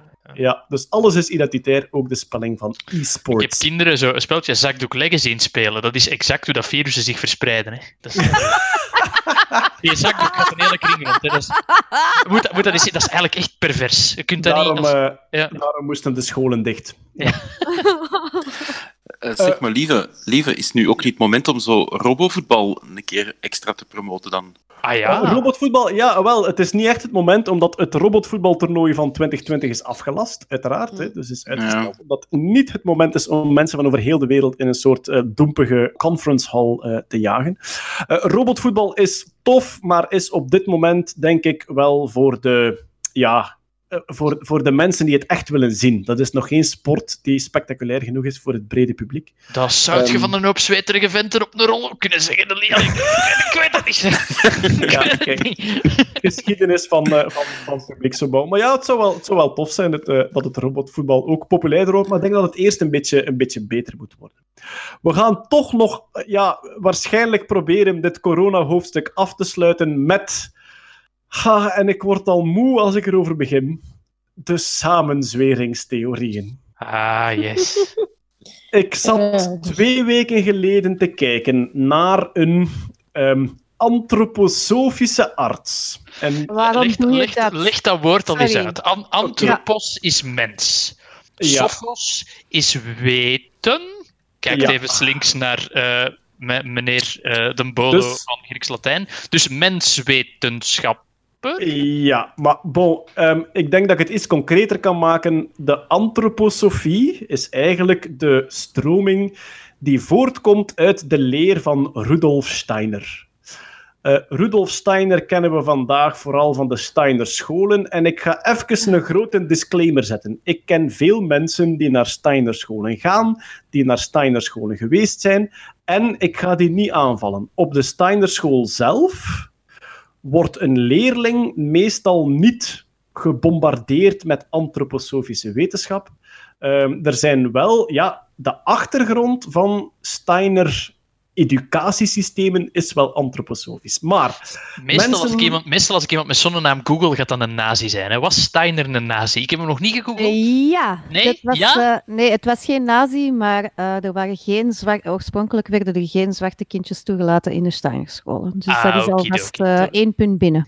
Ja, dat, is- wel, maar, dat, is mijn, dat is mijn Spidey sense. Ik, er was al iets aan. Ik, ik voel maar dat. het, is, het is daarom dat ik een disclaimer gezet heb. Ik, ik, zou, ik zou niet graag hebben dat iedereen die naar een Steiner school is, eh, geweest is of gaat, zich nu identitair aangevallen voelt. Maar ik heb veel mensen gesproken die Steiner onderwijs gevolgd hebben. En meestal komen die niet echt in aanraking met de hele zware antroposofische achterkant. Maar om dat even te duiden, antroposofie is of was een afsplitsing van het protestantisme, eh, is zeer religieus. Steiner beweerde dat hij engelen kon zien, dat hij herinneringen had aan vorige levens en had dus ook een complete geschifte theorie over eh, gezondheidszorg.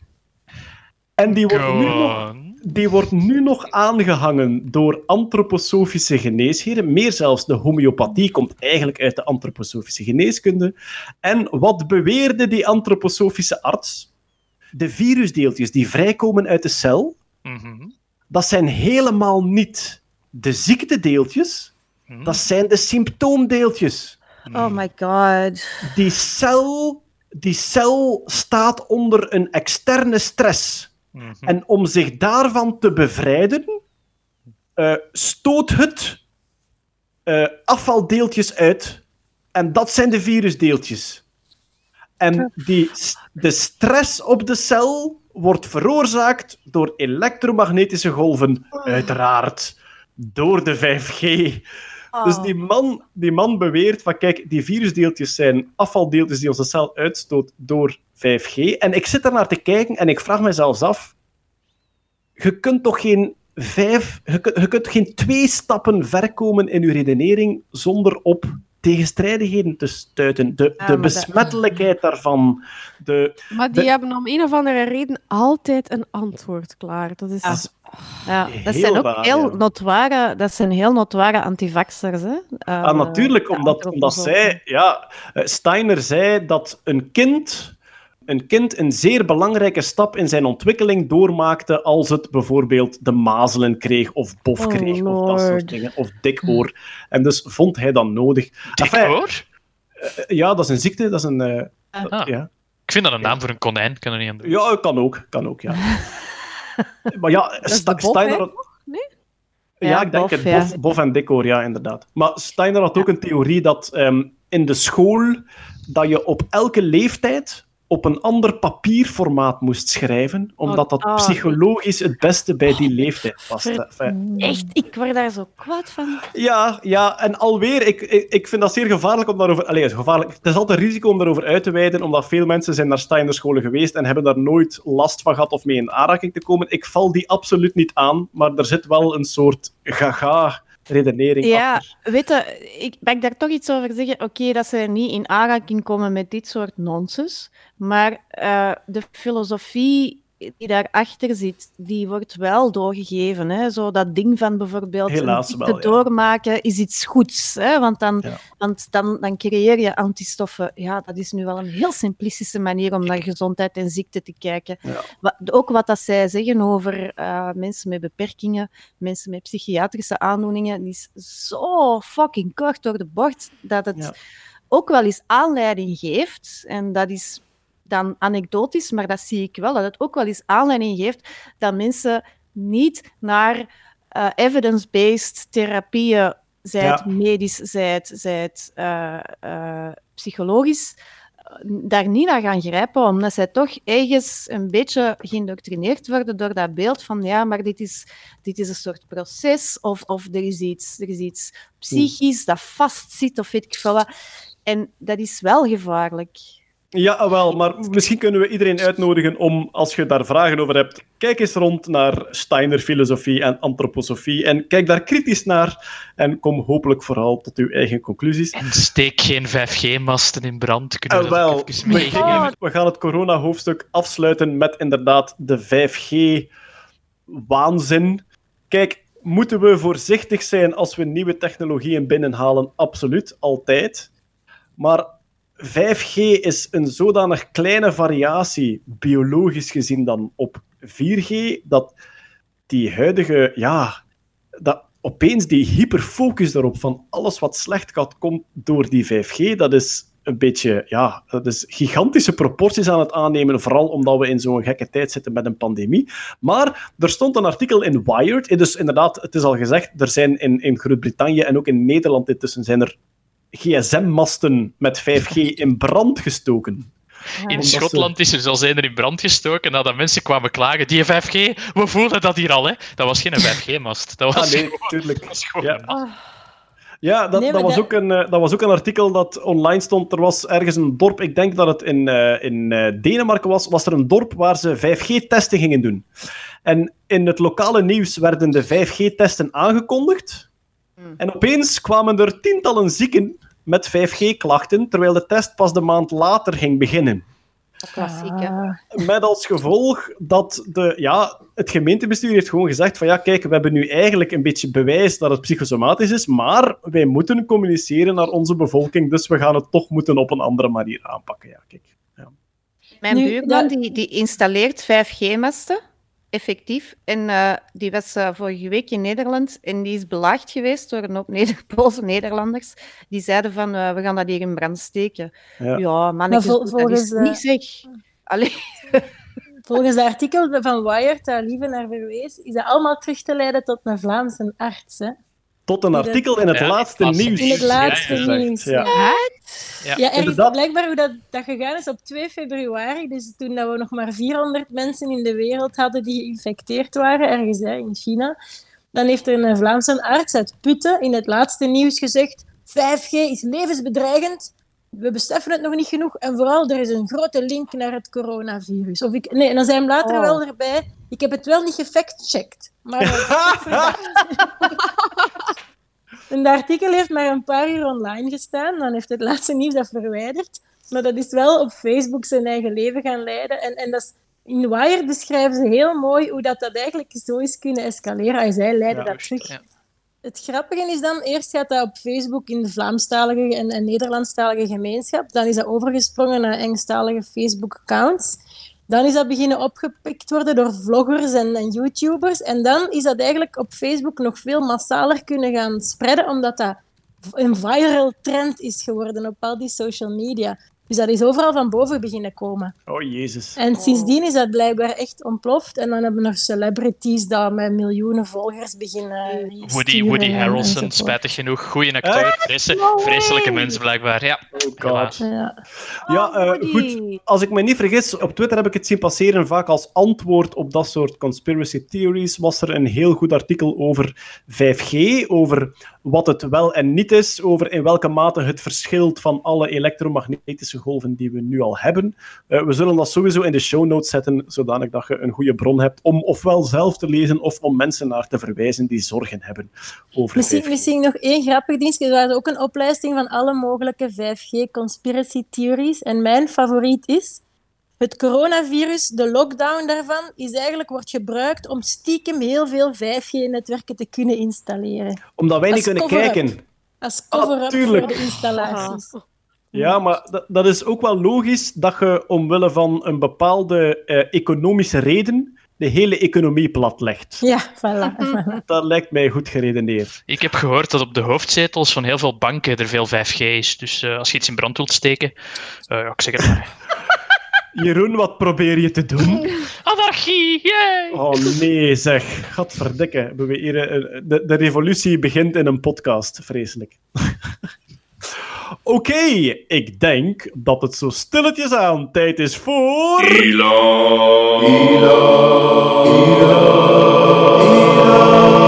Musk Nieuws. Voor we gaan naar het hoofdstuk Elon en zijn corona-avonturen, ga ik toch eerst... Oh, Jeroen, die lach was iets te gemeen. Maar dus... Nee. We gaan eerst nog even een paar andere Musk-nieuwtjes eh, doen. Namelijk de bemande Crew Dragon-lancering, eh, waar we vorige podcast over gesproken hebben. Die zou wel tot aan het ISS vliegen. Meer zelfs, er is een plan om daar een lange termijn missie van te maken omdat ze blijkbaar met een personeelsprobleem zitten. Er zou een periode zijn dat het eh, ISS te laag bemand zou zijn. En door van die eh, Dragon-missie een lange termijn missie te maken, zouden ze dat kunnen oplossen.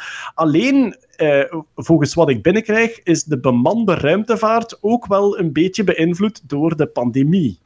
Als zijnde, ja, zowel het, het personeel als... Ja, je wilt absoluut geen virus meepakken naar het ISS. Ja, ja. Daar zijn wel, daar zijn wel ehm, procedures voor. Hè. Dus eh, astronauten gaan sowieso in quarantaine voor ze de lucht ingestuurd worden. Maar ja, omdat dat virus zo onbekend is en door die vreselijke asymptotische overdracht die er nu ook is, is stel nu, je zet je astronauten in quarantaine en astronaut 1 gaat in quarantaine zonder symptomen met corona.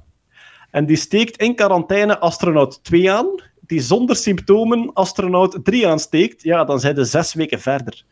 Dus ja, bon. Ik neem aan dat die wel prioriteit hebben om dan getest te worden, maar het zal waarschijnlijk ook wel een zekere invloed hebben.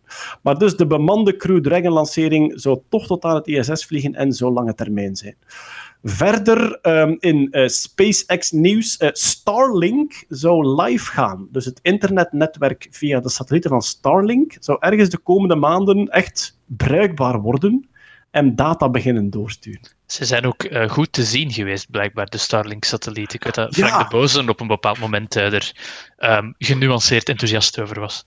Ja, klopt, inderdaad. Er zijn nieuwe lanceringen gebeurd en eentje was zeer goed te zien uit België. Ik heb ze helaas gemist, maar er komen er waarschijnlijk nog. En dan, dan zie je dus een lijntje satellieten, dus een lijntje lichtgevende stipjes die overkomen over België.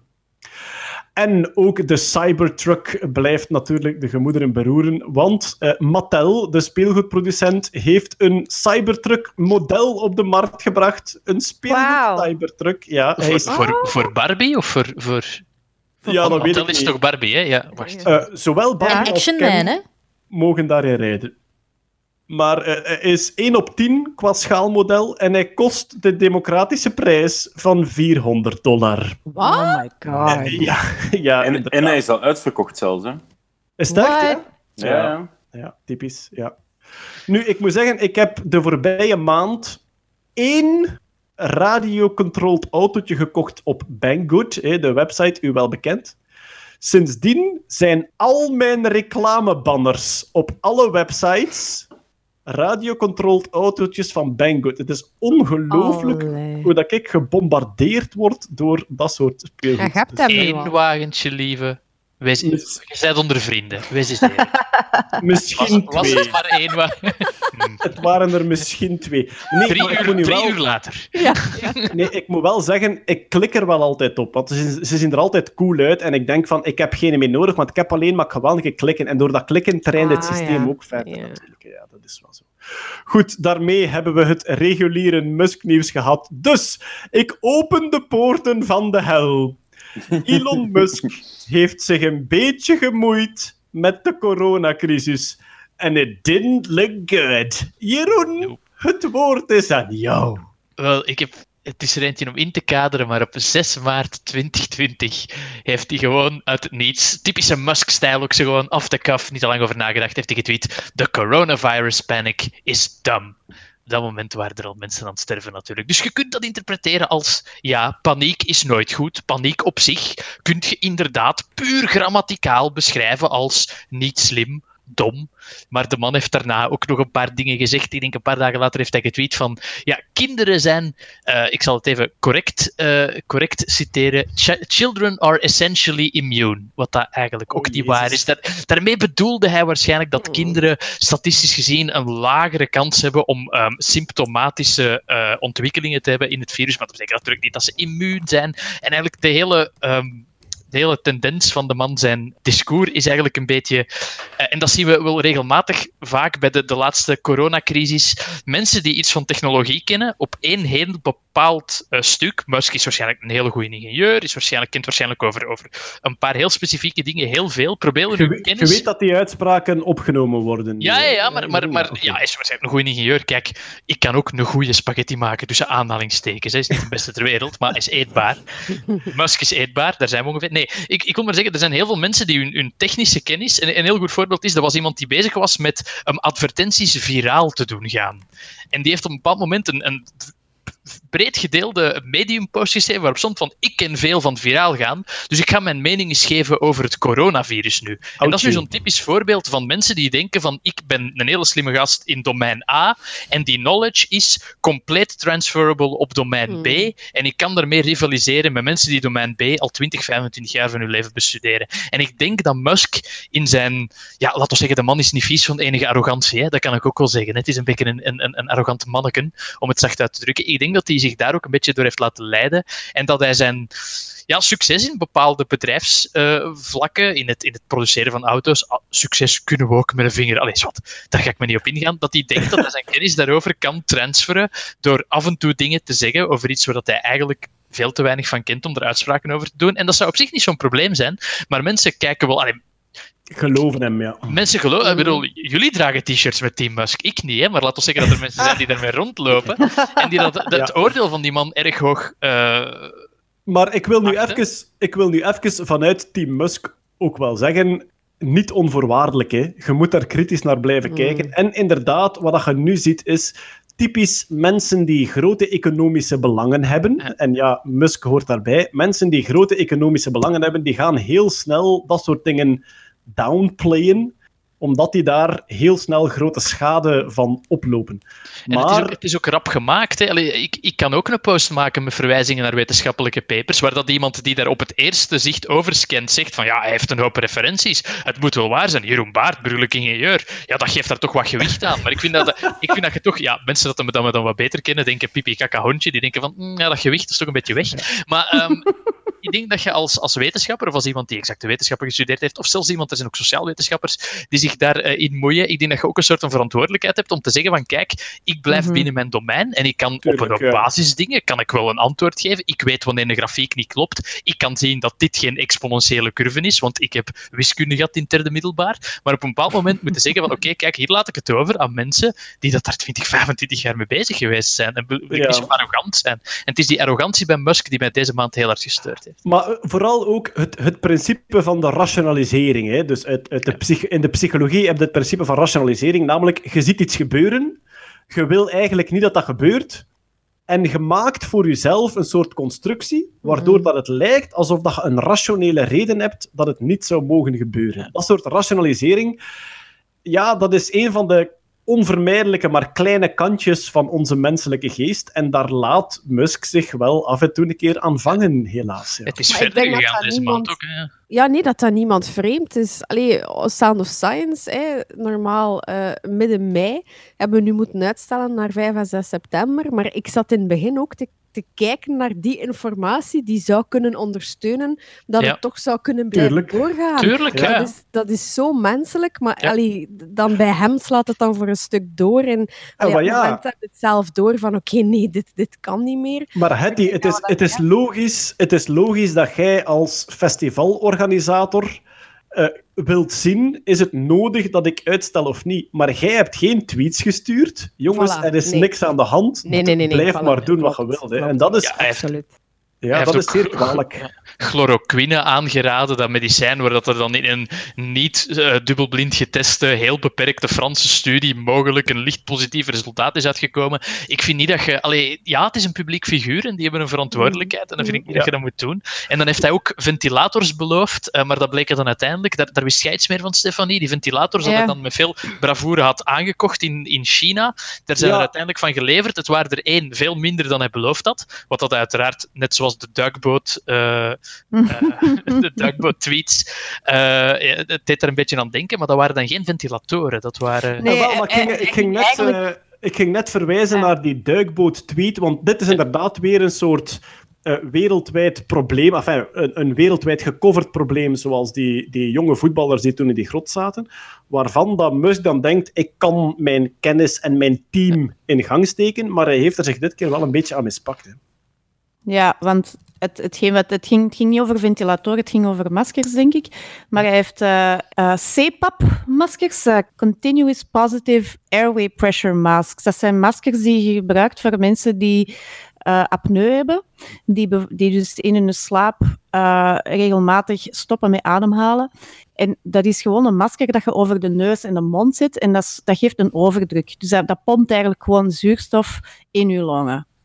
En dat is iets wat je kan gebruiken, niet alleen voor mensen met apneu, maar dat kan je ook gebruiken voor mensen met een respiratoire probleem.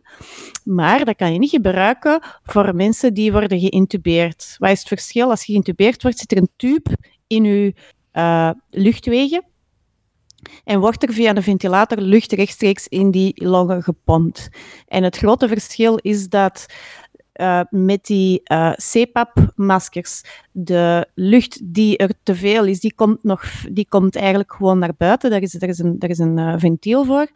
En dus mensen die besmet zouden zijn met corona, ja, dan moet je ervan daar moet je voor zorgen dat de, de lucht die ze uitademen niet meer wordt verspreid. Eigenlijk, het wordt eigenlijk afgeraden om die maskers te gebruiken. Dus hij heeft daar een foutje gemaakt. En ja, je kunt zeggen dat is een klein foutje, maar allee, als je even overlegt met, eh, ja, ik weet niet, met pneumologen of zo, of, of met, met Ja. spoedsartsen, dan, dan, dan Goed, weet je ja, dat heel die, heel die beademingstoestellen, ja, dat is heel vaak de bottleneck geweest. Ik denk in Italië ook, dat er gewoon te weinig waren. Heel de maker community is daar ook opgesprongen. En sowieso zien we Mhm. wereldwijd geweldig veel maker community initiatieven om maskers te maken, om eh, gelaatsbeschermingsdingen te maken. Ja. Eh, ik merk zeker in België dat de maker community daar ook voorzichtig in is, als zijnde wij kunnen geen dingen maken die geschikt zijn voor Nee, absoluut. intensive care, voor ziekenhuizen. Het gaat dan meer over thuisverplegers, dat soort dingen. Die beademingsmachine wordt ook aangewerkt, maar de grote moeilijkheid is daar, ja, je zit wel met een object, allee, je zit met een, een toestel dat rechtstreeks in de longen van een patiënt Mhm. zit. Je kunt daar niet zomaar huistuin- en keukenmiddeltjes op gebruiken, want ja, dat kan gigantische Ja. schade veroorzaken. Ja, twee dingen daarbij. Eén, er is, inderdaad, er zijn gewoon in, in Vlaanderen heel veel makers keihard bezig met, met dingen te, te bedenken. En zonder dat ze daar aan de grote klok hangen. Hè. Eh, Dat is een beetje het probleem dat ik heb met Musk en, en Jeroen. Ik, ik zeg het niet graag, maar... Heb je problemen met mij? Nee, nee, ik heb geen problemen met u. Nee, nee, maar ik zeg het niet graag, maar ik voel hey, de, wat de voorbije tijd, eh, wat aan Musk aan het zeggen is geweest, ik ben zowel eh, toch aan het schuiven richting een ander kamp, bij wijze van spreken. Ah. Omwille van het feit dat, dat... Dat is zo precies zo die Amerikaanse gedachte van, kijk, ik heb het gemaakt, ik heb het voor het zeggen. En dat klopt niet. Ehm, er zijn gewoon heel veel mensen in Vlaanderen, makers en, en allerhande, bezig om dingen te maken. En die dat dan niet aan de grote klok hangen. Die gewoon, iedereen is gewoon bezig om voor elkaar te Plug, zorgen. plug, plug Anthony Liekes hier maar. Eh, en, en ja, voilà. Anthony. Liekes Ja, en, en, en zo de corona-denktank en, en, en bijvoorbeeld eh, Makers Against Corona, waar die face shields aan het maken zijn, waar ik ook zelf hier disc aan het maken ben. Maar dat is, dat is gewoon heel tof, omdat dat langs de ene kant bottom-up ontstaat. En twee, die gaan wel heel hard direct babbelen met dokters, met gespecialiseerde mensen, We zetten om te ze gaan in de kijken... show notes. Hè? Ja, dus we sowieso, zetten in de show notes de links naar de maker-initiatieven die, eh, die Ja. vooral gelaatsmaskers maken voor in de thuiszorg. Voilà, Eh, en, en je kunt u daarbij maar- aansluiten. Maar vooral ook omdat die, die, gaan, die gaan babbelen met naaisters en kijken, oké, wat is nu een simpel naaipatroon dat je kunt heel snel maken? Die gaan kijken met dokter, wat is een, een shield dat je makkelijk kunt desinfecteren, zodat het herbruikbaar is. En, en dat gaan we Mhm. gewoon op de markt gaan brengen. Maar ja, wat we nu gezien hebben, wat wat we nu gezien hebben bij die, bij die mondmaskers bijvoorbeeld, dat is dat de maker community ook gewoon in, in rechtstreeks overleg stond met de overheid, met de Mhm. vol- volksgezondheid. Absoluut, absoluut. Zodanig ja. dat de overheid ook kunnen zeggen heeft van kijk, de richtlijnen daarbij moeten duidelijk zijn. Dit is niet voor ziekenhuisgebruik. En Absoluut, dat ja. er ook zowel qua gebruikte stoffen als qua manier dat je dat aanbrengt, dat er duidelijke handleidingen bij zijn, zodanig dat je geen Ja. producten op de markt brengt die gewoon schadelijker zijn dan dat ze... Nee, en, en ook direct eerlijk zeggen van kijk, dit is niet voor op een intensive care, dit is niet voor dokters te gebruiken, maar door het feit dat we dit ter beschikking stellen voor thuisverpleging, voor woonzorgcentra, voor brandweer, voor politie, zorgt ervoor dat de stok die dat voorhanden is, die dat wel gesteriliseerd is, naar die gespecialiseerde instellingen kan blijven gaan. Dat de dokters en de intensieve units nog altijd de stok kunnen gebruiken en dat de, de voorhoede, om het zo te zeggen, ik weet niet of dat het juist woord is, maar dat die wel ook beschermd kunnen zijn op een manier die dat, die aanvaardbaar is of zo. Eh, Wel, mijn, mijn vrouw eh, die werkt sinds kort in de daklozenzorg hier in Gent. Dus zij is brugfiguur tussen daklozen en de, en de nachtopvangcentra enzovoort. Dus zij moet nog twee dagen per week is zij echt op de baan om, om, om die mensen te gaan zoeken. Waar zitten ze? Krijgen ze genoeg hulp? Hebben ze symptomen enzovoort? En die zat hier vorige week haar eigen mondmasker te naaien. Met Voilà, st- ja. stukken katoen, zoals voorgeschreven door de, de mondmasker-website. En ook eh, bepaalde stofzuigerzakken zou Ja. je kunnen gebruiken. Ja, en dus ja, ja. alweer niet in het ziekenhuis, hè, maar dus bepaalde stofzuigerzakken zou je kunnen gebruiken om die in dat mondmasker te schuiven en om de zoveel tijd te vervangen. En dus voor een job zoals mijn vrouw nu doet, namelijk dat contact met eh, daklozen en de hulpcentra, is dat toch beter dan niets. Absoluut. En, en dat, dat, dat stoort me dat heel hard dat een Musk zit te, te, te toeteren van ik heb het uitgevonden en ik ga nu een keer de wereld terug een keer redden. Terwijl, jongen, kijk een keer rond. Er zijn gigantisch veel initiatieven van mensen die daar echt on the spot, eerste lijns, gigantisch veel dingen aan het doen zijn. Ehm, Goed, ja. Dus eh, het- ik denk dat het eh, qua Musk-skepsis een eh, sterke maand is en een belangrijke maand. En eh, ja, kijk, ik ga mij focussen op zijn andere activiteiten en ik ga ik ga er, volledig, ik ga er volledig in mee dat dit niet, niet zijn beste actie was, verre van. Oogkleppen op en verder. Ja, het is goed. Die t-shirts Nee, maar Jeroen- zelf wel. ja, Ja, Jeroen, kijk. Ja, Jeroenike, ja, voilà. Nee, dit is, eh, allee, d- deze maand is een punt voor Musk-skepsis. Hoe eh, hard allee. moet dat nog zakken in jullie achting om eindelijk van team te wisselen? In de, ruimtevaart, in de ruimtevaart is hij nog altijd top. Kijk, ze, voilà. Maar deze maand eh, was het niet zijn maand. Sowieso niet. Eh, verder in het Musk-nieuws. De NASA heeft dus ja, eh, privécontracten met SpaceX en met Boeing voor die echte reizen naar het ISS. Maar ze hebben nu aangekondigd dat ze ook contracten willen maken voor suborbital flights. Mhm. Dus de ruimtevluchten die niet tot in een baan rond de aarde gaan, maar die gewoon even tot in de ruimte gaan en terug. Dat zijn de dingen die eh, Virgin Galactic aanbiedt. En Ja. ook eh, Blue Origin van Jeff Bezos. Dus het lijkt erop dat zowel ehm, ehm, Jeff Bezos als Virgin Galactic zicht hebben ook op NASA-contracten voor suborbital flights. eigenlijk. Ehm, en dan, ja, nog steeds in het Musk-nieuws en dan vooral de andere gorillas, was er ook Jeff Bezos-nieuws over het eh, coronavirus en de pandemie. Namelijk, hij heeft gevraagd of het publiek donaties wou doen echt, Hmm. om het. Amazon-personeel te ondersteunen in de technische werkloosheid. Ah, Wauw. Ja, dat is de rijkste mens ter wereld. Ja, Ja. hij zei, och, al die werknemers... Maar ja, allez, Hetty, je moet ook eerlijk zijn, dat zijn wel werknemers die echt zo een beetje op de grens van het minimumloon uitbetaald worden. Het moet voor hen toch zwaar zijn in deze periode. Iemand moet ze steunen. En bij de keuze tussen Jeff zelf en het brede publiek viel de keuze van Jeff toch op het vrede. Op Oh, het man. Dat is een boekhoudingskwestie, hè? ja. Jee, Bart is er! We moeten Bart daar van Pereer. Echt twee uur gewacht voor de perfecte mop. We moeten, daar geen, we moeten daar geen recept op betalen, nee, uiteindelijk. Maar ik heb het aan het begin van deze podcast opgeschreven, dus ik zit hier al twee uur met de zin, dat is een boekhoudingskwestie en ik vond geen moment Er Heb je, heb je dat filmpje gezien? Van, er was bij een van de pakhuizen van Amazon, waar dat de mensen het werk neerlegden, omdat ja, we hebben geen beschermingsmateriaal, we worden onderbetaald. Eh, er Jeroen, een- eh, wacht, wacht. Ik moet daar wel bij zeggen. Als ze het neerleggen in de juiste doos, is het allemaal goed voor Jeff. Hè? Dat is- allee, ja. Maar ze hebben het werk neergelegd. En dan was er een, een, een man buiten, ik denk een, vakbond, ja, een vakbond, ze mogen geen vakbond oprichten, maar een verantwoordelijke van een team daar, die zei van, voor de zoveelste keer, wij, wij vinden het oké om essentiële dingen te verschepen. Voedsel, wc-papier, dat soort dingen. Maar dan pakte hij er één voorbeeld uit. Dildo's zijn geen essentiële dingen die je nu nodig hebt. We staan hier de hele dag dildo's in te pakken en we kijken naar elkaar en we zeggen van, moet, moet, moet deze nu? Is dit waar we mee bezig moeten zijn? Dat vond ik heel grappig. En we spuwen erop, meneer. We spuwen erop. Maar ja, zelfs, zelfs dichter bij huis. Hè. Als, je, als je kijkt, zo AB InBev heeft het ook gedaan. Hè. Die hebben ook zo een, een fonds opgericht waar dat iedereen kan doneren voor, voor gift. ja. terwijl AB InBev staat op, in de top 10 van de Belgische bedrijven die daar geen belasting betalen. Ja. En ay, zat, los van het politieke, dat kan toch echt niet. Ay, dat is toch ook hetzelfde als Amazon, maar dan op Belgische schaal dan. Het ruikt hier naar kapitalisme.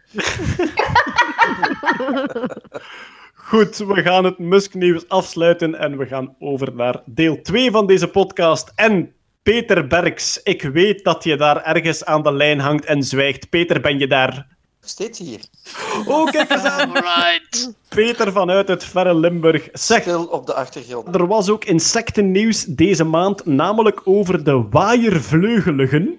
En nu Ja. moet ik even zeggen, de waaiervleugeligen, dat is een van de vele geflipte klasses binnen de insectenwereld. Dus die zijn, als ik me niet vergis, Peter, en corrigeer mij als, eh, als het moet, maar dus de waaiervleugelen zijn zodanig klein dat die in plaats van vleugeltjes een soort veertjes of waaiertjes hebben. Eh, nee, dan moet ik u toch even onderbreken. Dat, Graag. Dat is niet helemaal waar, nee. Die, die hebben wel, wel degelijk echte vleugels, maar ze zijn wel, ze zijn wel vrij klein, dat klopt. Oké. En ehm, de vrouwtjes hebben totaal geen vleugels en zijn eigenlijk parasieten bij bijen en wespen. Want die Dus leven... vrouwtjes doen... Dus die leven, die, die, die waaiervleugeligen zijn zodanig klein, die leven tussen de lichaamssegmenten van andere insecten. Ja, en vooral bijen en wespen. Dus en een wesp, die een blijven wesp daar zitten, die ontwikkelen zich. En de mannetjes, die kunnen wel vliegen. Die zijn dus, wat ze noemen, vrijlevend. En eh, de vrouwtjes geven, als die geslachtsrijp zijn, die geven geurstoffen af, pheromonen af, waardoor die, eh, die mannetjes worden aangetrokken. En, als je, en er zijn een paar entomologen, vooral Nederlanders, die daar de laatste jaren heel veel studie op doen. En er zijn er een paar die daar eh, heel knappe beelden van hebben geschoten, die daar video's van hebben gemaakt, als die mannetjes proberen te paren met die vrouwtjes. Dat is... En dat duurt maar een paar seconden, maar dat is heel, heel zeldzaam om te insectenporno van een paar seconden lang, daar komt het op neer. Maar dus, eh, als je naar een bij of naar een wesp kijkt, dat achterlijf bestaat uit verschillende ringen die over elkaar schuiven. Ja, En dus je moet het een het- beetje bekijken als zo van die Romeinse harnassen. Hè? Die segmenten die overlappen elkaar. Ja. En die vrouwtjes, en soms kan je dat zien, maar dat is juist het moeilijke. Die, eh, je moet die bijen of die wespen kunnen van heel dichtbij fotograferen of die vastpakken. En dan kan je soms een stukje van dat vrouwtje, van die waaiervleugelige, tussen die segmenten zien uitpiepen. Maar dus, dat is heel moeilijk om. Zij doden hun gastheer niet, maar de bij of de wesp waarin ze leven wordt wel gesteriliseerd. Dus als dat bij een koningin is, dan wordt die, of, of bij een solitaire bij of wesp, dat vrouwtje wordt steriel, dus die kan zich niet meer voor. Maar dus een, een, een vrouwtjes waaiervleugelige, die woont dus heel haar leven in dat lichaamssegment van die wesp of die bij. Die legt daar eitjes. De mannetjes die uitkomen, die vliegen weg. Maar die vrouwtjes die daaruit komen, hoe komen die in een andere bij terecht? Wel, die, ehm, de larves die kunnen rondkruipen. En die larves die kruipen dus eruit en die liften dan mee. Bijvoorbeeld, die kruipen in, in eh, hoe zal ik dat zeggen, die zitten in, in zo'n gang van die solitaire bij. En als er daar een andere toevallig bij komt, of op een bloem, kruipen dan, als die bij op een bloem gaat zitten, die springen daaraf, blijven op die bloem zitten. Volgende keer komt er een ander bij, die klampen zich vast. En Oké. dus die, die larven die kunnen wel rond. En tot als die, ehm, zodat die ja, in een, een, een bepaald stadium komen, dan blijven die ehm, op die bijen of die zitten. Maar dus eigenlijk kunnen we besluiten, Peter, dat insecten zodanig lastige beesten zijn dat zelfs insecten last hebben van insecten. Ja. ja. En, en het, het, artikel, het artikel waar het nu eigenlijk over ging, want wij dachten altijd dat er maar één of nee, twee of drie soorten waaiervleugeligen in België en Nederland voorkomen. En er is nu een Nederlands onderzoek geweest, daar hebben ze nu DNA-analyses gedaan. En nu blijken er meer dan twintig soorten te zijn. Dus die soorten waarvan wij dachten, dat is er maar één, dat blijken er al minstens zes of zeven te zijn. Ah, dus En- dat, is het, dat is het nieuws van de voorbije maand. Dat is het nieuws eigenlijk, ja, ja. Dus ze dachten dat die beesten zo zeldzaam waren, maar er zijn dus eigenlijk veel meer soorten die hier voorkomen dan dat. Wat, wat dus eigenlijk toch weer uw punt bewijst. De insectenwereld is een zodanig gigantische wereld van soorten en interacties. Dat wij dat. Het gebeurt onder onze neus, maar het is gewoon te complex om te begrijpen. En we hebben nu een volgende stap gezet in een beetje snappen hoeveel soorten er wel zijn. Zeg, er was nog insectennieuws, namelijk. Ja, deze vind ik wel echt grappig. Je kunt muggen laten ontploffen, dat vind ik echt. Ah, wel, dus ik wou, ik wou het net zeggen: een mug die blijft zuigen, die ontploft. Maar wacht, het, het is eigenlijk gebaseerd op een urban legend. Dus de urban legend, daar beweerde men van dat als een mug u steekt en je spant de spieren op, dus bijvoorbeeld stel die steekt u in je bovenarm, je spant de spieren van je bovenarm op, dan wordt je bloeddruk in die bloedvaten zo hoog dat, uw bloed, dat dat bloed heel snel in die mug stroomt, waardoor die ontploft. Maar dat is dus, dat is dus niet waar. Helaas. Maar er is, en er is dan 50 jaar geleden iemand anders die daar een onderzoek naar gedaan heeft. En die heeft ontdekt dat als je de buikzenuw van de mug doorknipt, dat de, hoe zal ik zeggen, het, het signaal van oké, ik heb nu genoeg gegeten, dat dat wordt onderbroken. Ah, dat ja, dus gewoon er- blijft drinken en dat die dus letterlijk ontploft. Dus er is En een zenuw. een PhD, dus een entomoloog, een doctoraatstudent, die heeft dat onderzoek terug opgepikt en die heeft dus een techniek beschreven waarin hij dus, dus laat zien, en hij heeft daar dus YouTube-filmpjes van gemaakt, en je ziet dus die muggen effectief zich volzuigen en die spetten dus gewoon kapot. Maar wacht, dus hoe, hoe knipt je een zenuw door in een insect? Je moet ze blijkbaar niet doorknippen. Dus wat hij doet, hij verdooft die muggen en hij pakt dan met een heel fijn pincetje, pitst hij gewoon het achterlijf, dus vlak achter het borststuk, borststuk op de buik, gewoon samen. Waardoor hij die zenuw gewoon overpitst. Hij knijpt die gewoon af. Goed, en dat gaat heel eenvoudig, blijkbaar, met een pincetje. Maar op een muggenpopulatie van een paar biljard in België is dat Ja, wel veel werk. dat- je kunt dat natuurlijk niet gaan gebruiken als een bestrijdingsmiddel. Maar het, het eh, experiment of het onderzoek is wel interessant om te gaan kijken wat bepaalt de, wat zij noemen de feeding response. Dus wat, hoe kunnen we bijvoorbeeld ingrijpen in eh, hoe dat een mug bloed drinkt en wanneer dat zich. En dat zou bijvoorbeeld kunnen, zijn, zou kunnen leiden naar bepaalde eh, geneesmiddelen die ervoor zorgen dat muggen hun appetijt voor bloed verdwijnen. Daar zou het Dus we zitten eigenlijk terug bij de basis van de entomologie, namelijk entomologie Ja, volgens u is ontstaan uit hoe kunnen we ze kapot krijgen, die beesten. Ja, absoluut. Oké. We gaan van de ene vliegende soort over naar de andere, namelijk de Boeing 787.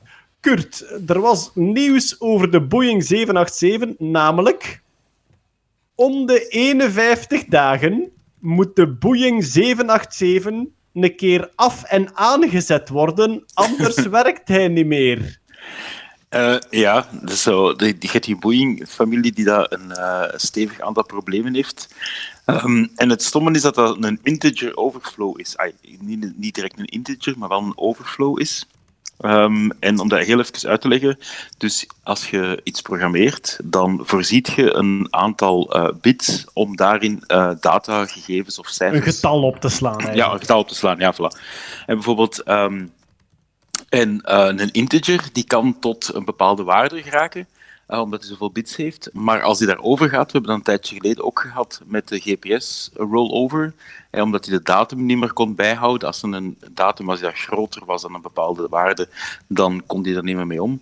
En, dat de Millennium Bug ook eigenlijk. en de Millennium Bug, net hetzelfde. Is misschien wel duidelijk inderdaad. Van de Millennium Bug, ehm, daar gingen ze eigenlijk gewoon de laatste twee cijfers van het jaartal bijhouden. Dus op het moment dat we dan naar 2000 gingen, dan gingen we naar 100, dan was er geen plaats niet meer. En dan reageert die software daar heel raar op. Namelijk, eh, je gaat eigenlijk ofwel bepaalde stukken code overschrijven, ehm, ofwel ehm, ja, gewoon crashen. En dat is in het geval van een vliegtuig niet zo interessant natuurlijk. Maar dus, er zat, een, er zat een getal in het heel complexe besturingssysteem van zo'n Boeing 787. Er zat een getal Ja. waar er niet genoeg plaats voor was. Het ging over milliseconden sinds opstarten. Ja, voilà. Dat kan, dat kan vrij snel heel veel milliseconden worden. Ja, voilà. En eigenlijk was het, eh, als die 51 eh, dagen eh, niet gereboot werd, dan was eigenlijk de ruimte die gereserveerd was om eh, seconden bij te houden, eh, was eigenlijk vol. En eh, ja, voilà, dan moest die opnieuw op, opgestart worden, ofwel crashten de systemen. Maar even voor de, voor de wiskundigen en de informatici. Dus milliseconden op 51 dagen zou dan tot een bepaalde macht van 2 moeten gaan. Hè? Want een binair systeem Ja. werkt in machten van 2. 2 tot de 31ste. Dus 51 dagen is ongeveer 2 tot de 31ste milliseconden. Ja, op Twitter bijvoorbeeld Michel Koolman heeft dat dan nog in detail uitgewerkt. En die heeft gezegd dat ehm, je zou verwachten dat dat pas vanaf 49 dagen is. Maar door het feit dat hij niet om de echt, dat eigenlijk niet iedere seconde, maar dat eigenlijk 1,024 seconden is iedere keer dat hij eigenlijk in zijn real-time klok alles bijhoudt. En dan komt je op die 51 dagen uit. Het was waarschijnlijk 2 tot de 31ste is 2 miljard 147 miljoen en nog een beetje. En 51 dagen maal eh, 1000 eh, milliseconden per, per seconde, maal 60 maal 60 maal 24, komt je op 4 miljard. Maar waarschijnlijk omdat het getal werd bijgehouden met nog één bit voor de eh, positief of negatief van het getal. Ja, Eh, zit je erover? dat, Voilà, was het geen- waarschijnlijk. een assigned bit in plaats van een unsigned. Ja, oké. Ja, wel, Michel, Michel is, een, is een vriend van mij, is inderdaad eh, lijnpiloot. En als je bepaalde dingen tot in detail gecheckt wilt zien, vooral als ze over de wet van Bernoulli gaan, neem dan contact op met Michel. En die zal daar alle details uitschaven. En hij heeft het Ja, maar voor ons uitgerekend. het is, het is vooral straf dat dat nog altijd voorkomt. Ey, Ja, dat wil ik in een moment, op het moment dat je, dat, je dat, dat dataopslag dat dat veel geld kost, dan snap ik dat. Maar ey, een bit of een byte of een megabyte of zelfs een gigabyte op zich, de opslag daarvan kost niet zoveel. Maar het, het is niet de opslag. Hè. Je systeem moet dat getal kunnen voorstellen. En, en als je Ja. dat niet voorzien bent, Ik heb even opzoekingswerk gedaan over eh, buffer overflows in de luchtvaart. En er zijn er redelijk wat. Ja, ja, ja. Ja, de, de bekendste is de Ariane, is een raket effectief ontploft omwille van een integer overflow. Dus Ariane is een raket van de ESA, hè? Europese raket, ja. Ja, voilà, die is ontploft omwille van het feit dat er een berekening was en dit getaltje telde op. En op een gegeven moment was er een buffer overflow, namelijk het aantal bits dat gereserveerd was voor dat cijfer op te slaan, was niet meer voldoende. En die heeft eigenlijk stukken van de programmacode overschreven en daardoor is heel het systeem gecrashed. En dat is wel zich, effectief eh, op zich slecht niet, afgelopen. Op zich niet, de het, niet het ongeval in de ruimtevaart, want er is ooit een, een satelliet die rond Mars moest draaien, is ooit neergestort op Mars, omdat één deel van het team in pond gerekend had en het andere in kilogram. Dat is, dat is Ja. het voorbeeld waarmee dat ze beginnende ingenieurs doodslaan in het eerste jaar. Dat heb ik al duizend, duizend keer gehoord, ja. In alle waar. variaties. Ja. Ja. Wat, Ja, ik zou, is- wat ik zou doen als piloot van zo'n Boeing, eh, ik weet niet welk, welk model dat was, als je die om de 51 dagen moet herstarten, ik zou zorgen dat dat in het midden van een vlucht is. En dan, zo- dan berekenen hoeveel seconden vrije val dat we hebben. Maar toch ook, toch ook heerlijk dat je, je staat klaar om op te stijgen en opeens zegt de piloot Ladies and gentlemen, we have to turn it off and back on again. Maar, maar serieus, ik heb dat ook al meegemaakt. Ah, Het is niet minder spectaculair, maar ik heb dat ook al meegemaakt in een trein. De trein was stilgevallen en effectief door een intercom werd omgeroepen. eh, we moeten de boordcomputer van de trein even opnieuw heropstarten eer we kunnen verder rijden. Trouwens, Dus het ik, heb gebeurt- dus, eh, ik heb dus zitten opzoeken naar buffer overflows en andere foutjes in de luchtvaart. En je hebt safe search niet aangezet. Ja, ook al, ja. Mijn favoriet dateert van 2007. De F-22 hè, is een, een straaljager, een, een peperdure eh, gevechtsvliegtuig van het Amerikaanse leger. Er zijn verschillende F-22 straaljagers uitgevallen toen ze over de datumlijn vlogen. Ah, ja. Ze deden, ze deden een vlucht van Hawaii naar Japan. En op het moment dat ze over de datumlijn vlogen, zei de computer: Wacht, deze kan ik even niet meer aanzien. Hè. En alles is uitgevallen. Als zijnde, het vliegtuig was enkel nog manueel te besturen. Er was Oh, niks shit. meer van. Er was geen GPS, er was geen hoogtemeting, er was niks. Gelukkig vlogen die straaljagers op dat moment in de buurt van hun tankvliegtuigen. Dat zijn dat soort straaljagers die kunnen hertanken in de lucht. Ah, ja. En dus ze hebben gewoon die tankvliegtuigen als eh, leidraad gevolgd. En ze zijn op basis van die vliegtuigen terug naar de basis kunnen gaan. En daar hebben ze manueel moeten landen, zuiver op het zicht. Maar dus uitgevallen toen ze over de datumlijn gingen. Daarom dat je in zo'n straaljager bij de settings eh, dus eh, tijdzone van netwerk moet uitvinken. Dat moet je niet doen. Automatisch. Als je ermee aan het vliegen bent en je passeert zo'n land en je krijgt dan telkens die sms van welkom in Azerbeidzjan, onze roamingtarieven met dit en dat. Dat is super ambetant als gevechtspiloot, dat wil je echt niet ja. voor hebben. hè. En toch ook, dat, je, zit daar dan als, je zit daar dan als veertiger in een gevechtsvliegtuig. Alles valt uit en je moet bellen naar je, naar, naar uw tienerkind. Hallo, zeg, eh, sorry. En dan hij Natasja. zo, dan pakt hij zo via ik teamviewer pakt hij dan over zo. En, en het is kapot. eh, en dan zegt de tienerdochter: Ja, je gaat nu naar file, naar open. En, ja, bon.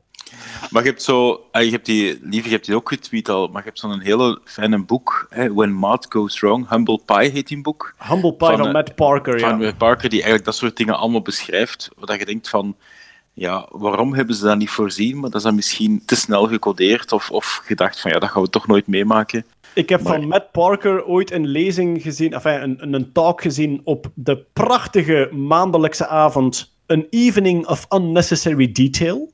Een van de heerlijkste nerd-comedy-avonden die er zijn in Londen elke maand. En Matt gaf daar een lezing over het feit dat de allereerste versie van Pac-Man crashte in een bepaald level. En dus hij zit voor een publiek van echt diehard nerds en hij vraagt: wie weet in welk level de originele Pac-Man crashte? Er gingen gewoon 30 handen in de lucht. 257! Logisch, ja. Maar- 257, dat is Ja, ietsje voilà. meer dan Dat- 256, hè. Maar we hebben nu het, is, het is alweer een buffer overflow. We hebben nu geen tijd om erop in te gaan. Maar het hele verhaal van waarom dat die Pac-Man-versie crashte, is eigenlijk eh, geweldig boeiend en heeft te maken met heel veel fruitjes die moesten geschreven worden. Swat, lees het boek Humble Pie van Matt Parker. Ja. Wij gaan over naar een hoofdstukje fandom. Namelijk, de nieuwe reeks van Westworld is begonnen. Ik weet niet of iemand ze aan het volgen is. Ik ben me nog door de, het einde van de tweede reeks aan het werken, waar dat Ja. op het einde van de tweede reeks iedereen zo'n beetje had van ah, weet je wat, we hebben allemaal een dikke filosofieboeken gelezen. Iedereen koppen bij elkaar. We doen die zot. En ik, ik ben me echt aan het doorwerken met zo'n idee van ah jongens, dit is echt een beetje... Ja, sorry. Het is overgegaan van de eerste reeks, waar het echt nog wel inventief was en verrassend. En de tweede reeks is een beetje pseudo-filosofische wankery. Maar ik hoor dat de derde reeks een soort van zachte reset is van de reeks in een andere omgeving, dit en dat. Ah, wel, kijk, maar Jeroen, Ja, ik ze ga hebben u... het, eh, Ik, Ze hebben de reeks uitgezet en opnieuw opgestart. Maar Wel, maar Jeroen, ik ga uw analyse voor een stuk bijtreden. Namelijk, reeks 1 vond ik echt gewoon echt Ja, wel was heel goed. Dat is de max, hè. Ja, dat is echt... Ja. Het begin van de reeks 2 vond ik een beetje kaka. Als zijnde, iedereen was kwaad op elkaar en ze schoten en ik dacht van ja, boeit niet echt. Ik vond dat reeks 2 wel beter werd na verloop van termijn. We zitten nu aan het begin van reeks 3 en ik moest zeggen, het gevoel dat ik had bij het begin van reeks 2 van sorry, maar ik ben niet meer mee, dat heb ik nu niet.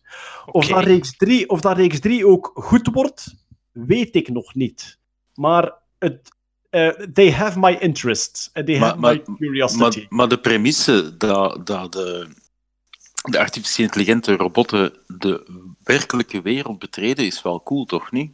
Ik vind de premisse heel cool en dat is wat mij een beetje stoorde aan het begin van seizoen 2. Dat ging niet meer daarover. Dat ging gewoon over wij zijn boos op iedereen en we gaan schieten op u. Ja, misschien was dat een overgang naar reeks 3 of zo. Hè? Reeks 2 was ook een samenraapsel van als in uw script te veel woorden die dat je normaal niet met een hoofdletter schrijft, met een hoofdletter beginnen te komen, dan zijn ze een slecht script aan het maken. Want ze moesten de cradle hoofdletter, naar de ark brengen hoofdletter, met de source hoofdletter, in de boot hoofdletter. En dat, ja, nee. Daar ben Ja. ik niet meer mee.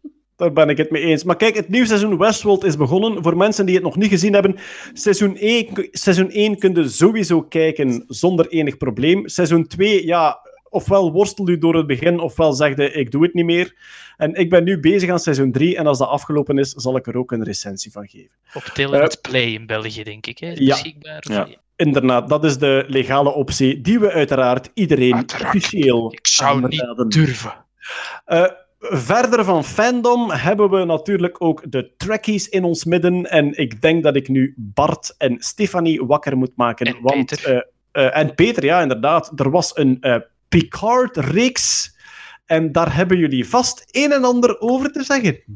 Amai, Ja, ik, ik, ik ga het woord geven aan Bart eerst. Serieus? Omdat ik, eh, ja, omdat ik eh, een paar podcasts geleden heb gezegd van... eh, ik weet dat je niet te hoge verwachtingen mocht hebben. En ik denk dat mijn exacte woorden waren... eh, open aanhalingstekens, maar fuck it, dit wordt het beste ooit. Sluiten aanhalingstekens. En daar moet ik van terugkomen. Maar Bart is milder. Dus ik ga eerst Bart laten zeggen wat Goh, hij ja. vindt.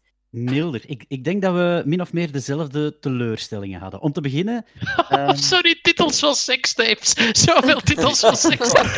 Kijk, ik denk, ik denk dat we dezelfde teleurstellingen delen. Ik, ik denk dat ik daarvan ga moeten terugkomen. Ehm, ik ga het woord eerst aan u geven.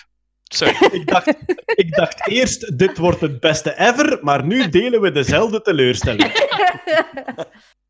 De gemiddelde date, inderdaad. Ja. Ehm, ja, eh, goh, waar begin je? Ehm,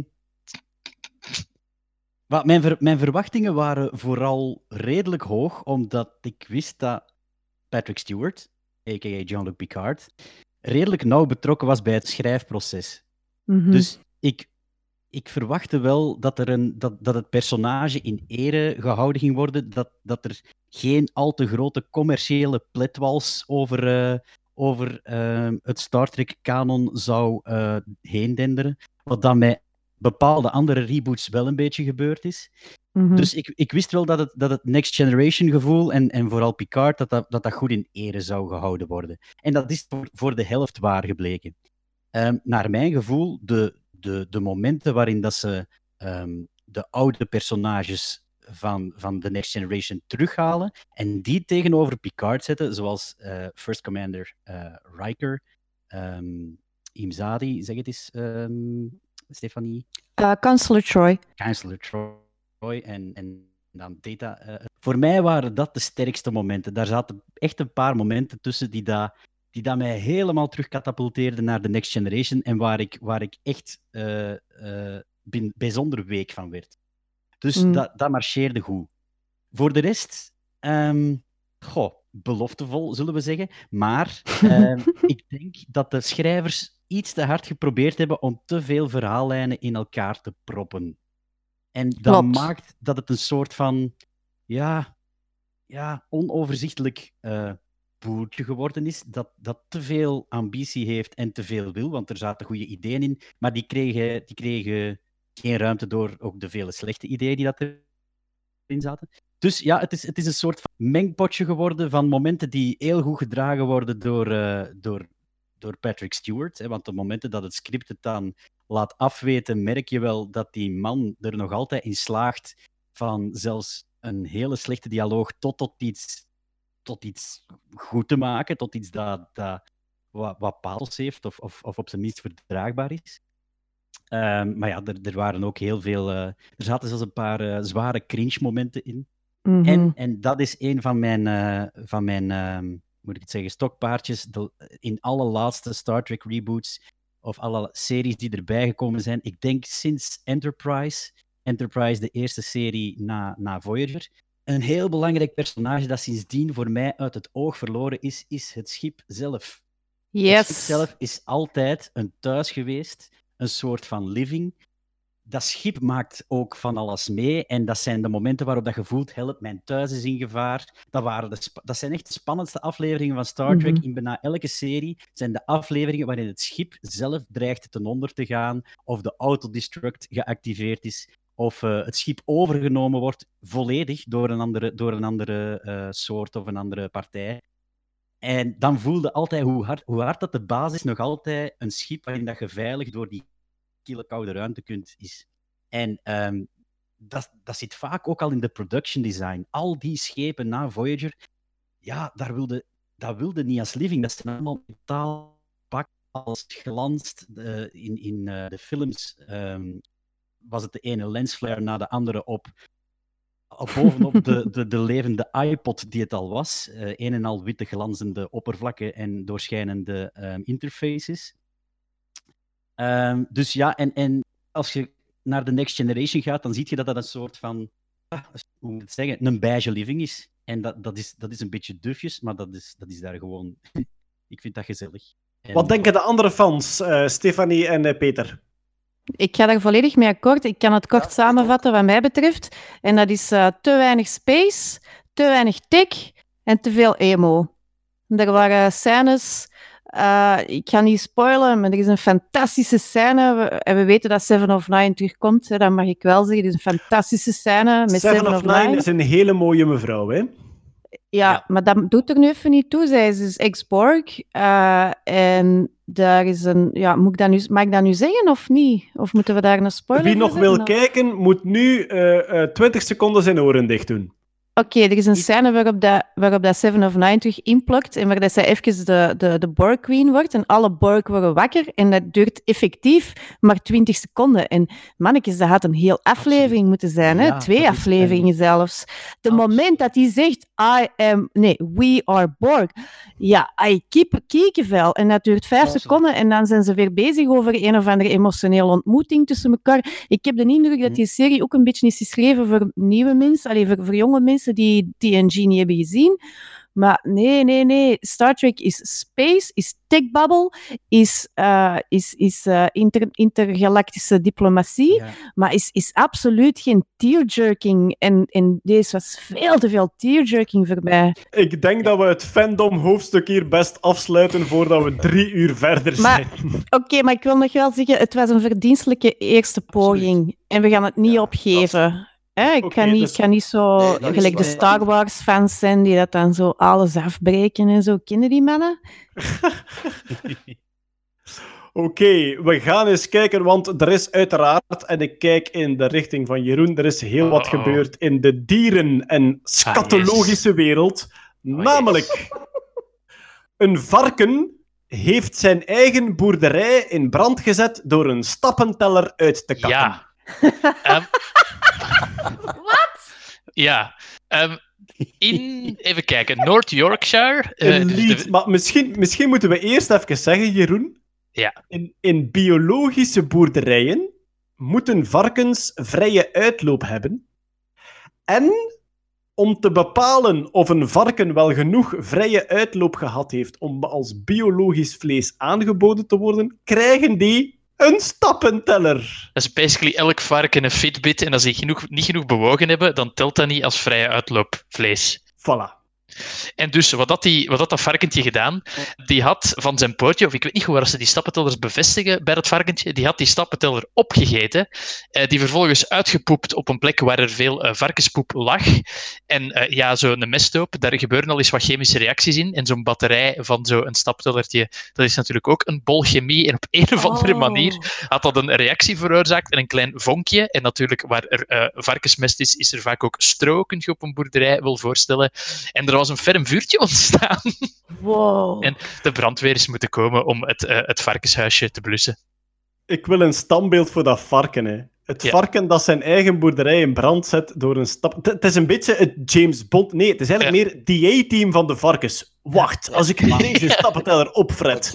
Ja, dat is op zich heel indrukwekkend, maar ik vond, het, ik vond het vooral indrukwekkend dat het zo in slow motion, perfect centraal met de ontploffing op de achtergrond weggewandeld is van die ontploffing. En het grappige was, het rook daarna ook lichtjes naar spek. Cool pigs don't look at explosions. ik denk ook dat, eh, dat dat varken in de film gaat gespeeld worden door The Rock. Het deed, mij, het ook een beetje denken aan... Ik was onlangs op een event en er was een, al van allemaal start-ups en er was een man die een, een systeem eh, aan het presenteren was, waar dat ze overal in een varkensstal microfoons hingen en ze eigenlijk aan de hand van hoe vaak dat die varkens kuchten en waar en met welke frequentie konden zien van oh, daar zit een ziek, een ziek varkentje.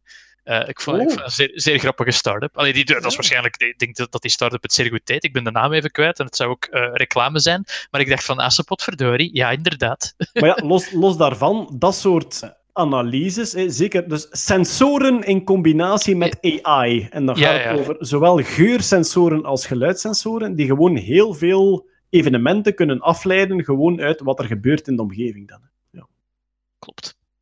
Goed, eh, er was nog een soort MacGyver DA-team dier in het nieuws de voorbije maand. Namelijk in Australië is er een baviaan ontsnapt uit een ziekenhuis. Net op het moment dat hij gecastreerd moest worden, is de baviaan ontsnapt met twee wijfjes. ik ben eventjes de details aan het opzoeken. De babiaan moest normaal een vasectomie eh, dus laten doen. Dus inderdaad, eh snippety snip op de zaadleiders, als ik dat goed eh voor heb. Onvruchtbaar gemaakt worden, ja. in de Royal Prince Alfred Hospital in Sydney. En de, de, die is blijkbaar niet zo goed bewaakt geweest, de baviaan. Of ik denk dat ze hem in slaap hadden gedaan, maar niet genoeg slaapmiddel hadden. Ja, in de verfilmde versie zou hij gedaan hebben alsof hij in slaap viel. Was natuurlijk. en dan zo met één oog open rondkijken in de kamer of dat de, de dokters even niet opkijken. En is hij eh, ontsnapt samen. Waar dat die twee wijfjes vandaan kwamen, dat vind ik nu niet meteen terug. Eh, wel, de, Eh. twee, de twee vrouwtjes. ehm, dus hij, hij moest een vasectomie ondergaan om inderdaad ehm, eh, niet meer vruchtbaar te zijn. De twee vrouwtjes werden bij hem geplaatst om hem rustig te houden. Snap ik, snap ik. Maar opnieuw, het, het meest indrukwekkende aan dit verhaal, toen dat ziekenhuis ontplofte, liep die perfect slow motion centraal in beeld weg met de ontploffing op de achtergrond. En met de twee wijfjes naast hem, ja, prachtig. Ja. Ja. Maar dus de, de, de baviaan was eigenlijk, moet ik erbij zeggen, in dienst van het ziekenhuis. Namelijk, ehm, op de baviaan werden bepaalde medicijnen gecontroleerd. Ik denk dat het vooral over diabetes en nierziekten ging. Dus de baviaan werd verzorgd en was in dienst van het ziekenhuis. En om te zorgen dat hij content was, zaten daar vrouwtjes bij, maar die mocht natuurlijk geen nakomelingen produceren, want dan werd dat daar een beetje overbevolking. En dus moest hij een vasectomie krijgen met twee, met twee vrouwtjes erbij. Maar dus inderdaad, de, de het schreeuwt om een verfilming. Hè? You wanna cut my balls? Let's see about this. En dan ontsnappen met Natasha en Tamara. Eh, goed, laat ons vooral afsluiten met deze rubriek dan. Afsluiten met er is alweer nieuws van Uranus. Ah ja. En als er iets ontdekt wordt op Uranus, dan volgen wij uiteraard de Amerikaanse of de Engelstalige media, omdat ja, eh, we kunnen er niet omheen. Uranus eh, betekent in het Engels zoveel als eh, uw poep. En dat leidt dan tot fantastische titels. Wat is er momenteel ontdekt? Ehm, eh, Uranus heeft blijkbaar ook een atmosfeer. En de Voyager, die, de Voyager 2, die daar ooit langs gevlogen is, die heeft ontdekt dat stukken van die atmosfeer wegvliegen in de ruimte. Dus Mars bijvoorbeeld heeft vroeger waarschijnlijk een atmosfeer gehad en nu is die weg. Dus dat is wel heel boeiend om te kunnen zien.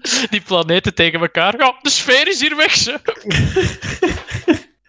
Maar dat is wel heel boeiend om te zien. Hoe, hoe werkt dat planetair eh, mechanisme waarop dat, allee, waardoor dat een planeet zijn atmosfeer kan verliezen? Goed, allemaal geweldig boeiende wetenschap, maar dat leidt uiteraard tot de krantenkop.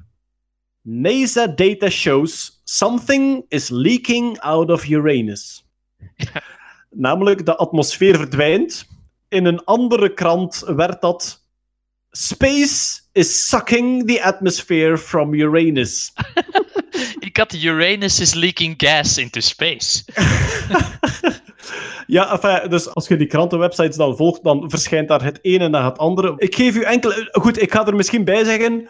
Mensen die geen fan zijn van dit genre, spoel gerust 30 seconden door. Spoel gerust door. Maar dus, wat stond er hier bijvoorbeeld? NASA has new insights from data gathered at Uranus 30 years ago. Kijk, ik word, ik word blij van dat soort zinnetjes. Eh, eh, sorry, of ja. The Voyager 2 flew through a gas bubble produced by Uranus. het, het is eindeloos en we gaan blijven giechelen. En als, als het uw genre niet is, alle respect daarvoor. maar- Je weet dat dat artikel twintig keer langs een redacteur gepasseerd is en dat hij telkens gemaild heeft meer anusmoppen, kom op! over anus gesproken, ik moet het erbij zeggen omdat ik het vandaag gezien heb. Heel kort, aan Stanford hebben ze een slimme wc ontwikkeld. Een wc met drie of vier sensoren in, die dient om eh, live uw eh, urine, uw stoelgang en alle andere dingen die er langs daaruit komen te analyseren. En dat ding zou u herkennen aan de precieze vorm van uw anus. Nee. Ja. Man. Is dat echt? A, a mountable toilet system for personalized health monitoring via the analysis of excreta. Het is een artikel op Nature en ik zal het met plezier Mm. linken in de show notes. Oké, dan moet je echt Het gaat linken. er Wauw, dat uitgebreid is- over hebben. Mogen we dat, mogen we dat facial recognition noemen? Oh, Bart, mail die mensen. Mail die mensen nu. De Gouden Jas 2020 is bekend, eh, dames en heren. We gaan een virtueel moeten rijden door de coronacrisis, eh, maar toch. Maar dus na de, na de vingerafdruk en de facial recognition hebben we nu dus de, De anus, poepgaatjesafdruk, ja. de anusherkenning. Daarom is het ook heel belangrijk dat je om de drie maanden van anus verwisselt. En dat je overal, dat je overal een andere anus gebruikt. Want vanaf dat ze één anus van u geraden hebben, kunnen ze op al uw andere toiletten binnen. Dat Ja, is, eh, vele, vele browsers hebben ook een Ja. soort eh, anusherinnering die in de cloud bewaard Klopt, wordt, ja. uiteraard. Goed. Eh, we gaan even al een soort eh, recall doen. Namelijk, wij hebben hier een tijdje, een, eh, vorige keer ook een experiment gerund over de acoustic fingerprinting van de Alexa-test. Dus in, in de Alexa-reclamespots zou een bepaalde frequentie weggetrokken worden, zodanig dat uw Alexa thuis daar niet op reageert. We hebben hier vorige keer een paar testen gedaan, zowel met eh, Alexa als met Siri. En eh, Els, ja, daar zijn de resultaten van binnen. Ehm, Jeroen, jij hebt ook de mails een beetje opgevolgd. Mensen hebben thuis getest of dat allemaal werkte. Eh, wat, wa- wat waren de conclusies? Wel, we hebben 104 mensen hebben meegedaan met het opgezette experiment. We hadden er na een tijd zo'n klein siteje voor gemaakt, maar daar hadden mensen ook op voorhand al heel hard voor gemaild. En van die 104 mensen met Siri, Google, Alexa door elkaar, was er ongeveer 6, 7 procent waarbij het deed wat, dat wij, ver, wat, wat dat wij vermoeden dat het deed. Namelijk waarbij dat dus de eerste keer wel reageerde en de tweede keer niet. Maar wat kunnen we daaruit besluiten, Els? Ja, dat dat eigenlijk een beetje een, goh, een hoax is misschien veel gezegd, want we hadden het over een spotje van Alexa bij de Super Bowl, maar dat was niet van de, de meest recente Super Bowl, want toen hadden ze een spotje met Ellen DeGeneres en Portia de Rossi. Maar het is die van het jaar ervoor met geweldige namen als Gordon Ramsay, Rebel Wilson, Cardi B, Sir Anthony Hopkins en Mr. Jeff Bezos himself. En ja, er was eh, sprake dat er bepaalde frequenties zouden weggetrokken zijn tussen 3000 en 6000 hertz, waardoor dat, die, eh, ja, dat, dat Alexa eh, zou herkennen van hier mag ik niet op ingaan, hier, hier ga ik niet, niet mee verder. Nu, we hebben dat ook zelf geprobeerd en daar merkt je toen toch al wel een klein beetje de eerste hindernis, namelijk dat zit volledig in het hoorbare spectrum. Moesten ze dat gedaan hebben, dan was dat superschraal geluid geweest. Je hoort gewoon, als je dat weghaalt, dan klinkt dat een beetje zoals nu. Want ik ga dat dan nu terug even doen, zoals dat je dat hoort. Hè? Dus het klinkt anders gewoon. Ja, Ja, dat bij die, die, die sampletjes die we online geplaatst hebben ook. eh, het, was, het was opeens een heel nasale lieve scheire, waar dat het anders... eh, Een, een medium nasale. medium, dat, wil ik niet gezegd hebben. Maar, Ja, ik heb zelfs die spot waarover dat ging, ik heb die dan een keer ja, wel gewoon van YouTube gedownload en dan even in mijn programma binnengetrokken om te kijken of dat ik daar effectief kon iets in zien, dat daar zo wel een zak in zat. En, en goh, ik heb dat nu niet aan, aan, aan weet ik veel wat wetenschappelijke tests onderworpen, maar zo op het eerste zicht zag ik daar niet direct iets aan. Dus dan ben ik... Gordon Ramsay zat er toch in, dus er moet toch een zak hebben ingezeten. Jeff Bezos zat er zelfs in. Er zaten twee Oh, zakken in. Ik gemist. Een grote zak. Een rijke zak. Ja. Maar dus het komt erop neer dat er zal misschien iets gebeurd zijn met frequenties, maar het was een stuk complexer dan wat dat wij doorgekregen hebben. Ja, ja, ongetwijfeld, ongetwijfeld. Nu, ik ben nou eens even wat verder gaan uitzoeken, want het is dus wel degelijk zo, dus ook dit jaar bijvoorbeeld, met die spot dan van Ellen DeGeneres en, en haar vrouw, dan reageerden al die Alexa's ook niet. Hoe komt dat? Wel, ze hebben een eh, systeem ontwikkeld en dat heet audio fingerprinting. Ja, dat is een algoritme wat iets heel veel meer ingewikkeld in elkaar zit dan gewoon een bepaalde frequentie wegtrekken. Dat is over heel het frequentiespectrum, bepaalde clues dat in die muziek zitten, bepaalde codes die daarin zitten. En als die eh, herkend worden, dan, ja, dan, ehm, Ah, wel, maar wat, wat ik daar Je kunt, boeiend ve- aan je kunt vind... veel dingen verbergen in een audiospectrum. Zo zijn er in de muziektracks van het voorlaatste Doom-spelletje zaten er satanistische eh, symbolen verborgen in het frequentiespectrum. En je hoort dat dus niet. Maar als je het frequentiespectrum van dat nummer neemt, dan zie je zo ja, zo'n zo'n satanisch kruis in, in dat spectrum staan. hè. Oeh, spooky. Oké. Maar, maar, eh, Els, wat, wat ik daar boeiend aan vind, is... Hebben ze alle Alexa's ter wereld geprogrammeerd om niet te reageren op die spot? Of zit er in die spot een bepaalde fingerprint die ook andere mensen kunnen kopiëren? Ah, wel, het, het, het is tweeledig. Natuurlijk, als je zelf een spot maakt en je gaat die zelf uitzenden op het moment dat je op voorhand zelf weet, dan is het niet zo heel ingewikkeld om naar al je toestelletjes een ding te sturen van hey, op die moment mogen daar even niet op reageren. Dus, dus er is wel zeker, allee, er is een bepaald algoritme dat ze kunnen verwerken in die muziek, maar dat is ook, ik, als, ik het, als ik het goed heb begrepen, ehm, het gaat niet over een code die je kan ver- verbergen in eender welk ehm, audio, audiofile, maar eerder over een. ehm, als je een audiofile op een bepaalde manier verwerkt en je steekt de sleutel in de ontvanger, dan, herkent, dan herkennen die elkaar en dan gaat het niet af. Ah, oké. Ja. Dus eh, het is redelijk uniek ook per, maar het kan wel heel snel reageren. Dus het heeft heel weinig audio nodig om meteen te weten van, ah ja, hier moet ik gewoon rustig blijven. Dus die, die, eh, ja, die Alexa's die gaan zelfs normaal gezien niet eens wakker worden. Dus je ziet niet eens dat lichtje aangaan, je ziet die niet eens reageren. Doet een beetje denken aan steganografie, waarin dat je in een afbeelding ook een, een boodschap kunt verstoppen in bepaalde pixels. En als je niet weet dat die erin zit, kun je die er onmogelijk uithalen. Maar met een bepaalde sleutel, bijvoorbeeld, kijk naar die pixel, telt hem hierbij op, deelt dat door vijf, weet ik veel, een moeilijk algoritme erachter, kun je een bepaalde boodschap uit een afbeelding halen die voor gewone toeschouwers ja, gewoon een afbeelding van een katje of een hond is. Maar Els, kunnen we dan besluiten, er zat wel degelijk een sleutel in, maar hij is een stuk complexer dan wat wij geprobeerd hebben. Ja, zeker in die van dit jaar. Nu, er, is Ja. nog, er zijn wel ook nog andere systemen, want natuurlijk, er worden geregeld op tv en zo, worden er, eh, een of een podcast, of ik zeg maar iets, hè, worden er mopjes gedaan waarbij dat bepaalde speakers worden aangeroepen en bepaalde commando's worden gegeven. Dat zouden wij nooit doen. Nooit, nooit, nooit. Maar op de Amerikaanse televisie heeft er bijvoorbeeld een keer iemand gezegd van eh, voor, voor alle Alexa's moeten nu 20 rollen keukenrol kopen. Dat was nog voor de coronacrisis, maar al die gezinnen hebben dat nu wel in huis. Kom. Nu, wat is daar? Daar hebben ze eigenlijk ook een systeem voor ontwikkeld. Namelijk, als er heel veel van die verschillende van die speakers eenzelfde commando op dezelfde manier, met eenzelfde ja, speechpatroon binnenkrijgen, dan wordt dat gecanceld.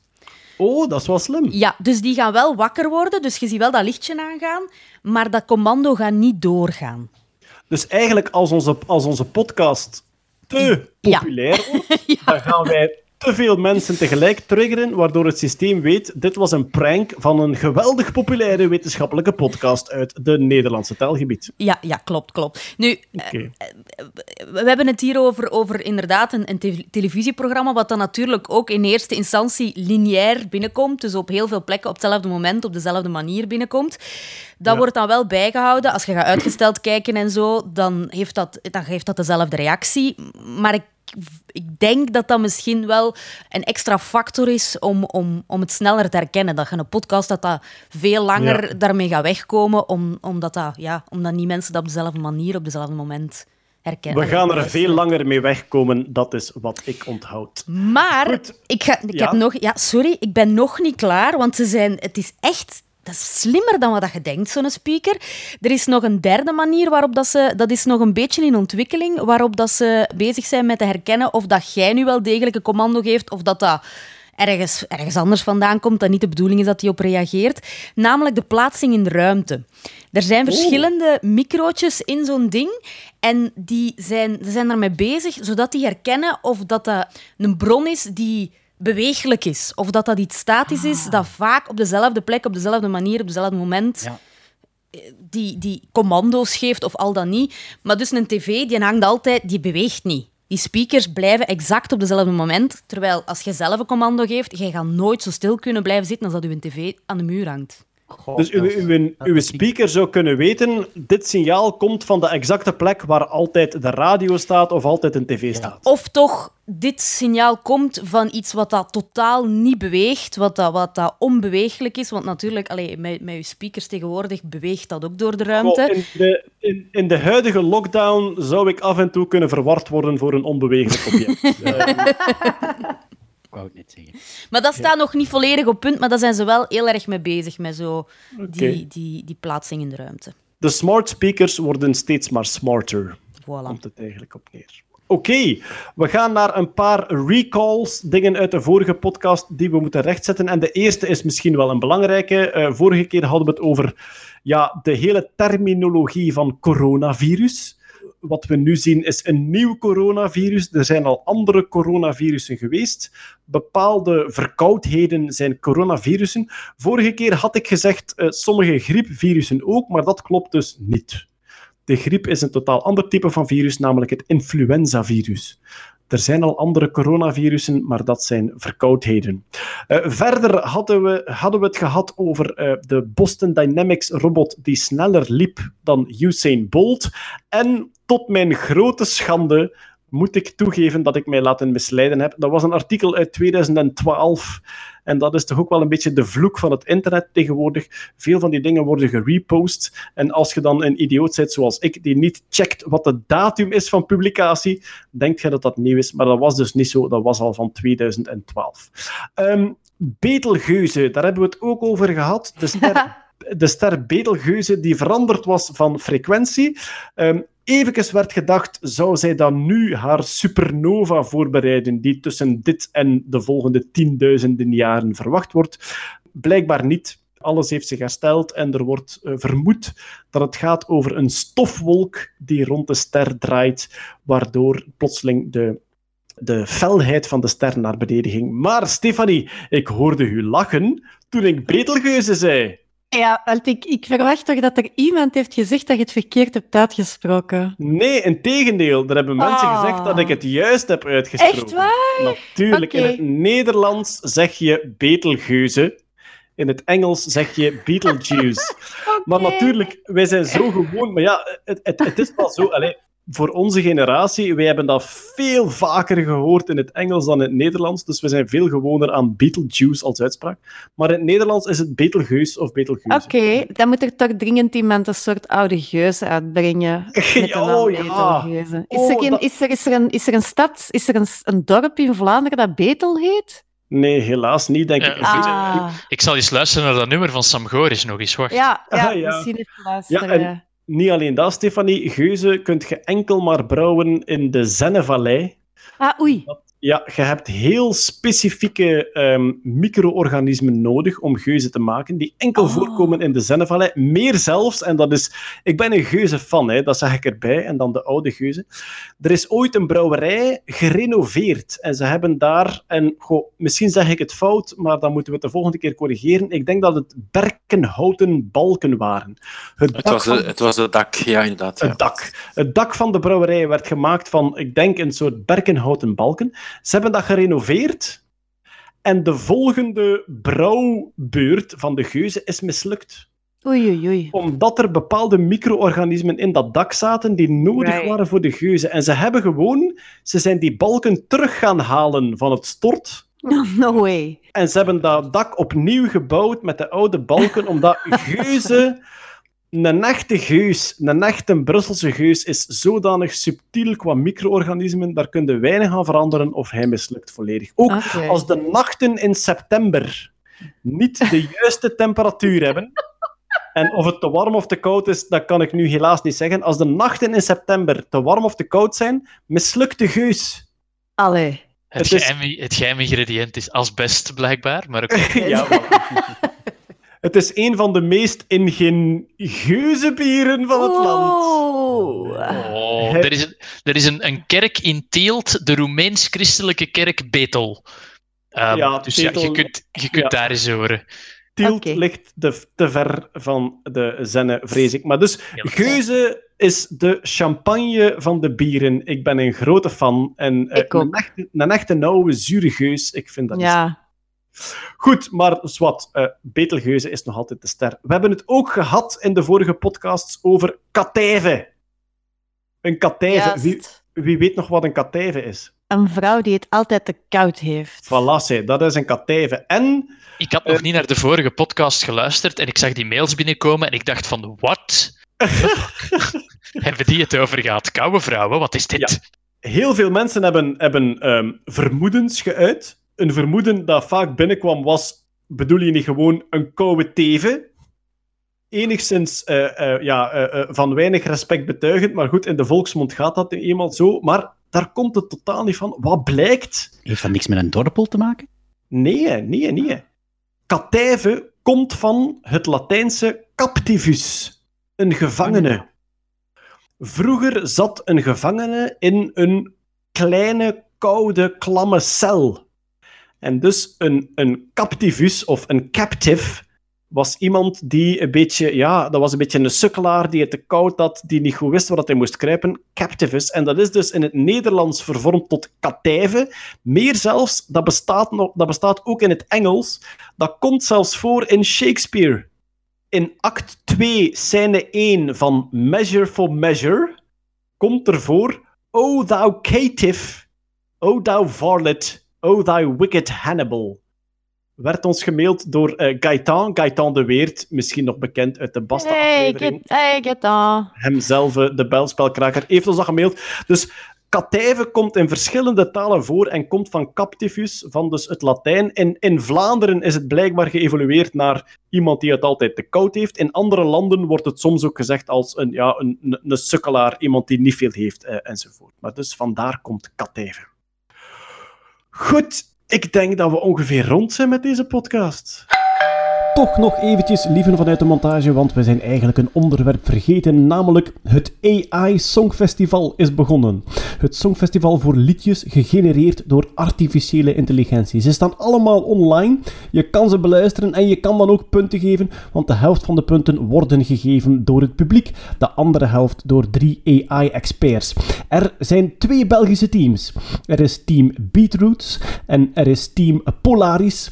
En eh, in Team Polaris zit onder andere Wart van Driessen, die ook al aanwezig was in onze podcast, een eh, deeltjes fysicus. Eh, geweldig boeiend experiment. De verschillende teams hebben wel enige vrijheid gekregen om meer of minder menselijke interactie en selectie toe te staan. Daar zijn ze allemaal zeer eerlijk over in de pagina die hun nummer begeleidt. Maar eh, geweldig boeiend om dat allemaal naast elkaar te leggen en eens te beluisteren. Het AI Songfestival, we zetten de link in de show notes, maandoverzicht.nerdland.be en je vindt hem ook als je googelt op AI Songfestival. Dus we hebben enkel nog een paar afsluiters te vernoemen, zoals bijvoorbeeld eh Hattie. Sound of Science is een festival en dat ging normaal doorgaan in mei en we zitten in een hele gekke situatie. Dus wat is het nieuws over Sound of Science? Dat wij helaas moeten uitstellen voorlopig naar het weekend van 5 en 6 september. Nog altijd op het domein Puinbroek in Wachtebeke.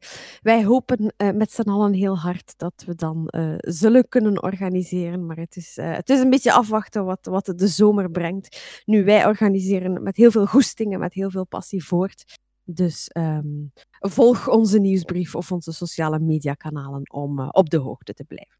Dus Sound of Science, wetenschapsfestival, eh, elk jaar een geweldig feest voor iedereen die geïnteresseerd is in populaire wetenschap. Eh, ging normaal in mei doorgaan, dat kan niet. En ja, wij vinden dat uiteraard zeer jammer, maar wij begrijpen dat ook volledig. Het is ook nodig op dit moment.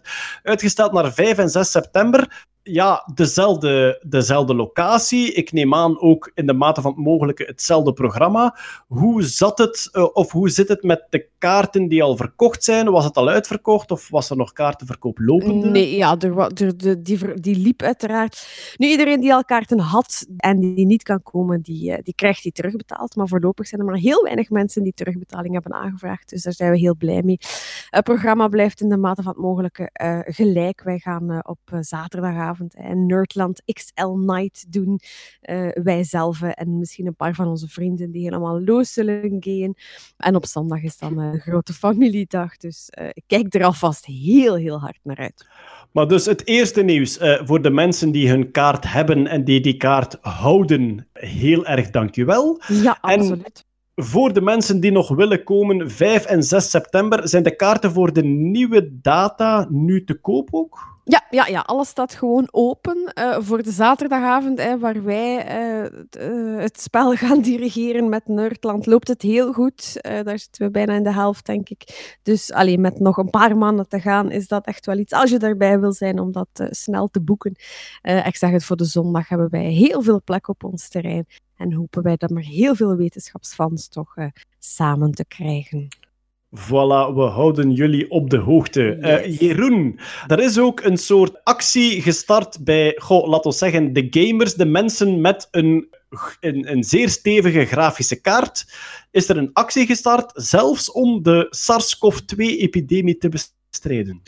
Ja, ehm, het is eigenlijk een project dat al langer loopt. Het noemt Folding at Home. En het is eigenlijk, om heel kort uit te leggen, een beetje het, het idee van verdeel en heers. Een hele moeilijke berekening, namelijk, oh shit, we moeten heel veel proteïne plooien om te kijken waar we mogelijk een landingsbasis hebben om een mogelijk medicijn voor een bepaald virus te kunnen ontwikkelen. Het, ik kan daar waarschijnlijk veel meer over vertellen, maar het komt erop neer, er moeten heel veel verschillende combinaties geprobeerd worden, gesimuleerd worden van eh, een hoop moleculen. En eh, dat is typisch iets waar je een supercomputer voor zou inschakelen, maar als we alle kleine beetjes computer van over de hele wereld samen duwen, dan komen we ook aan een supercomputer. En het is een beetje gestart van eh, Nvidia, die verkopen natuurlijk grafische kaarten, dus die hebben zelf een, een vinger in de pap te brokken natuurlijk, maar die zeiden van, hey gamers, jullie hebben waarschijnlijk een hoop computers die toch de hele dag niets staan te doen als jullie er niet op spelen. Waarom niet meerekenen met Folding at Home? En Folding at Home is een project, je installeert een programmaatje en op het moment dat je je computer niet gebruikt, eh, wordt de rekenkracht eh, aan dat project gedoneerd en kan je dus ook een beetje zien van, ah, ik ben momenteel aan het meerekenen aan een mogelijk, en dat is niet van een computer die opeens een groen scherm gaat krijgen. Het proficiat, je hebt de oplossing gevonden. Dat zijn simulaties die wetenschappelijk onder- onderzoek ondersteunen. Eh, kan je die berekeningen dus meedoen? Je hoeft daar niks actiefs voor te doen. Dat is gewoon installeren, vergeten en ja, af en toe eens kijken dat je computer niet te warm wordt. Maar niet alleen super gamesystemen kunnen meedoen, ook andere systemen. En we hebben daar, je kan dan ook in teams rekenen om toch een klein beetje, want je sprokkelt punten door te rekenen. Er is een soort van gamificatie ervan natuurlijk, om het allemaal wat interessant te houden. En we hebben dan een Nerdland-teampje gestart.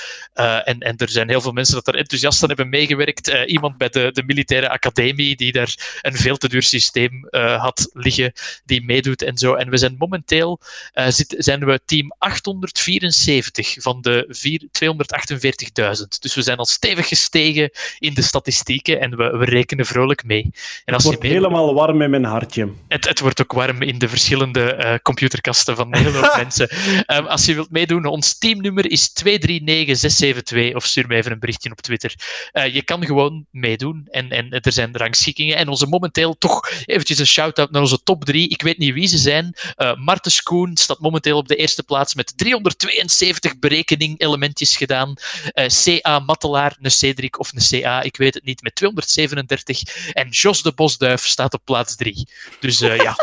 Ik support het nu al voor Jos de Bosduif. ja. Maar Ik dus niet- iedereen eh, eh, kan, kan het ook in de show notes Ja. terechtkomen. Voilà, dus iedereen die, iedereen die een stevige grafische kaart heeft, of een Maar gewone grafische kaart. Zelfs een, zelfs een, een, een schamel laptopje, als je een beetje het gevoel wilt hebben. Het is vooral iets heerlijk passief goed gevoel brengend, vind ik. Als ik zo af en toe eens naar mijn computer kijk en ik zie dat lichtje pinken, denk ik van, ah, hij is weer aan het rekenen.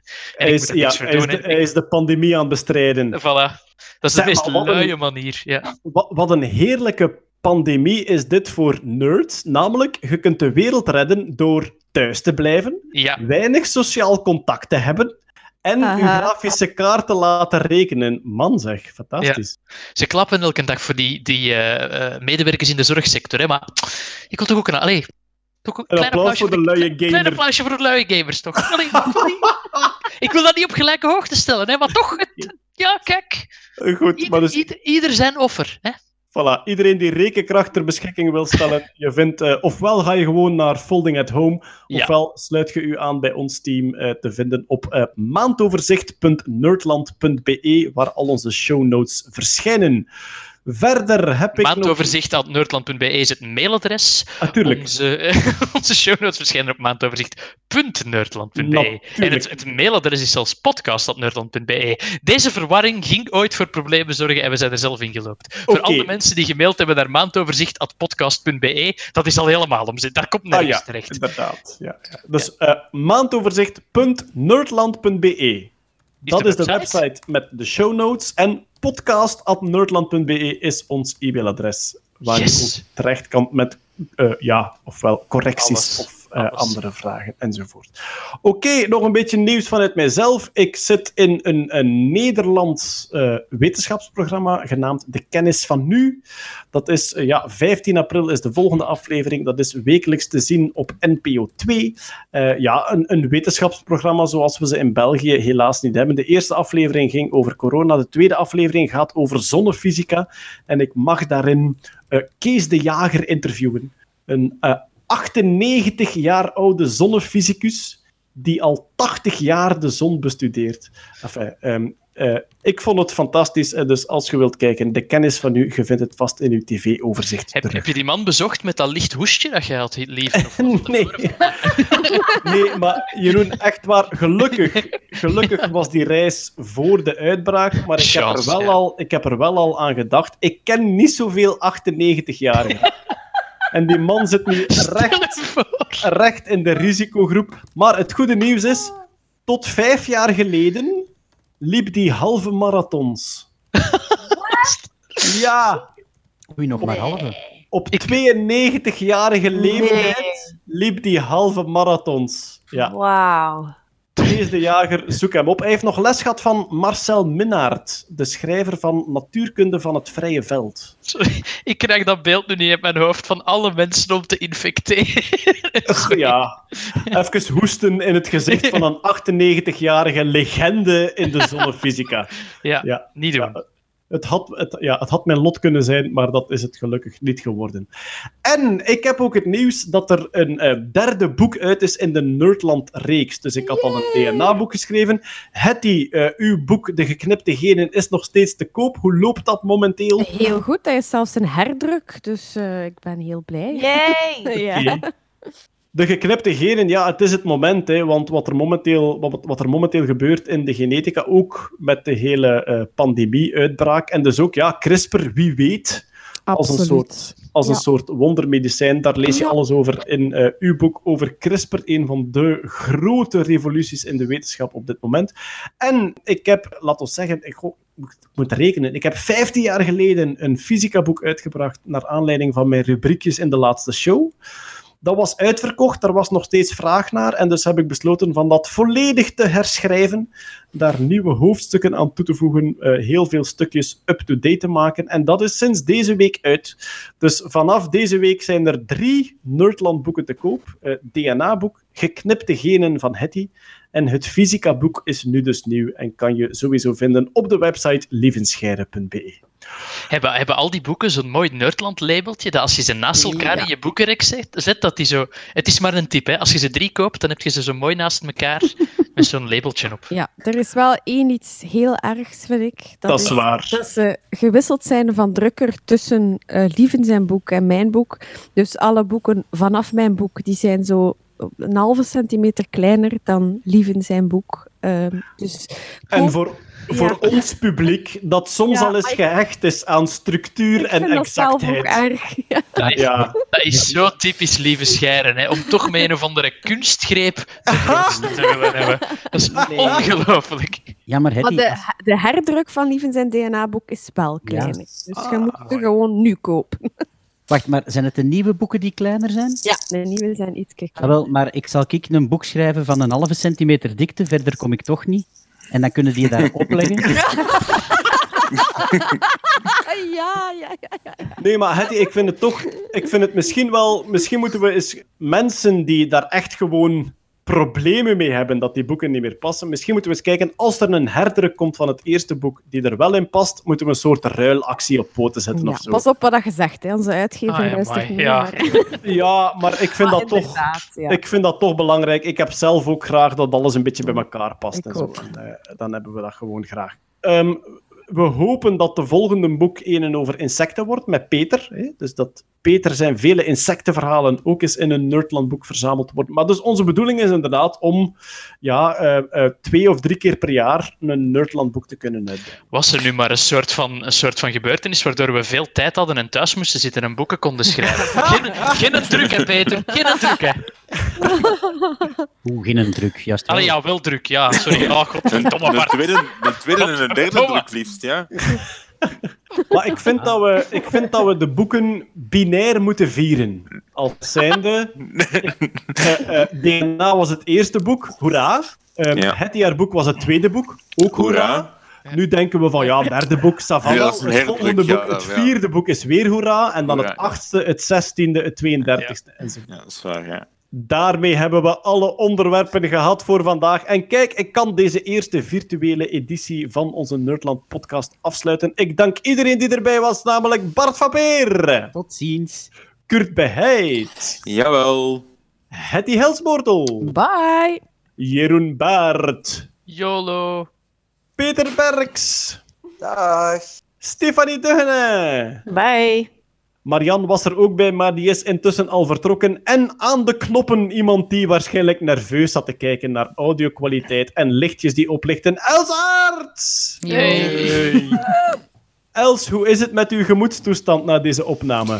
Ehm, ik vind de kwaliteit oké, maar de lengte is echt er weer over, hè, jongens. Ja, Titel maar... Lijk, een lijk, lijk. Sextape.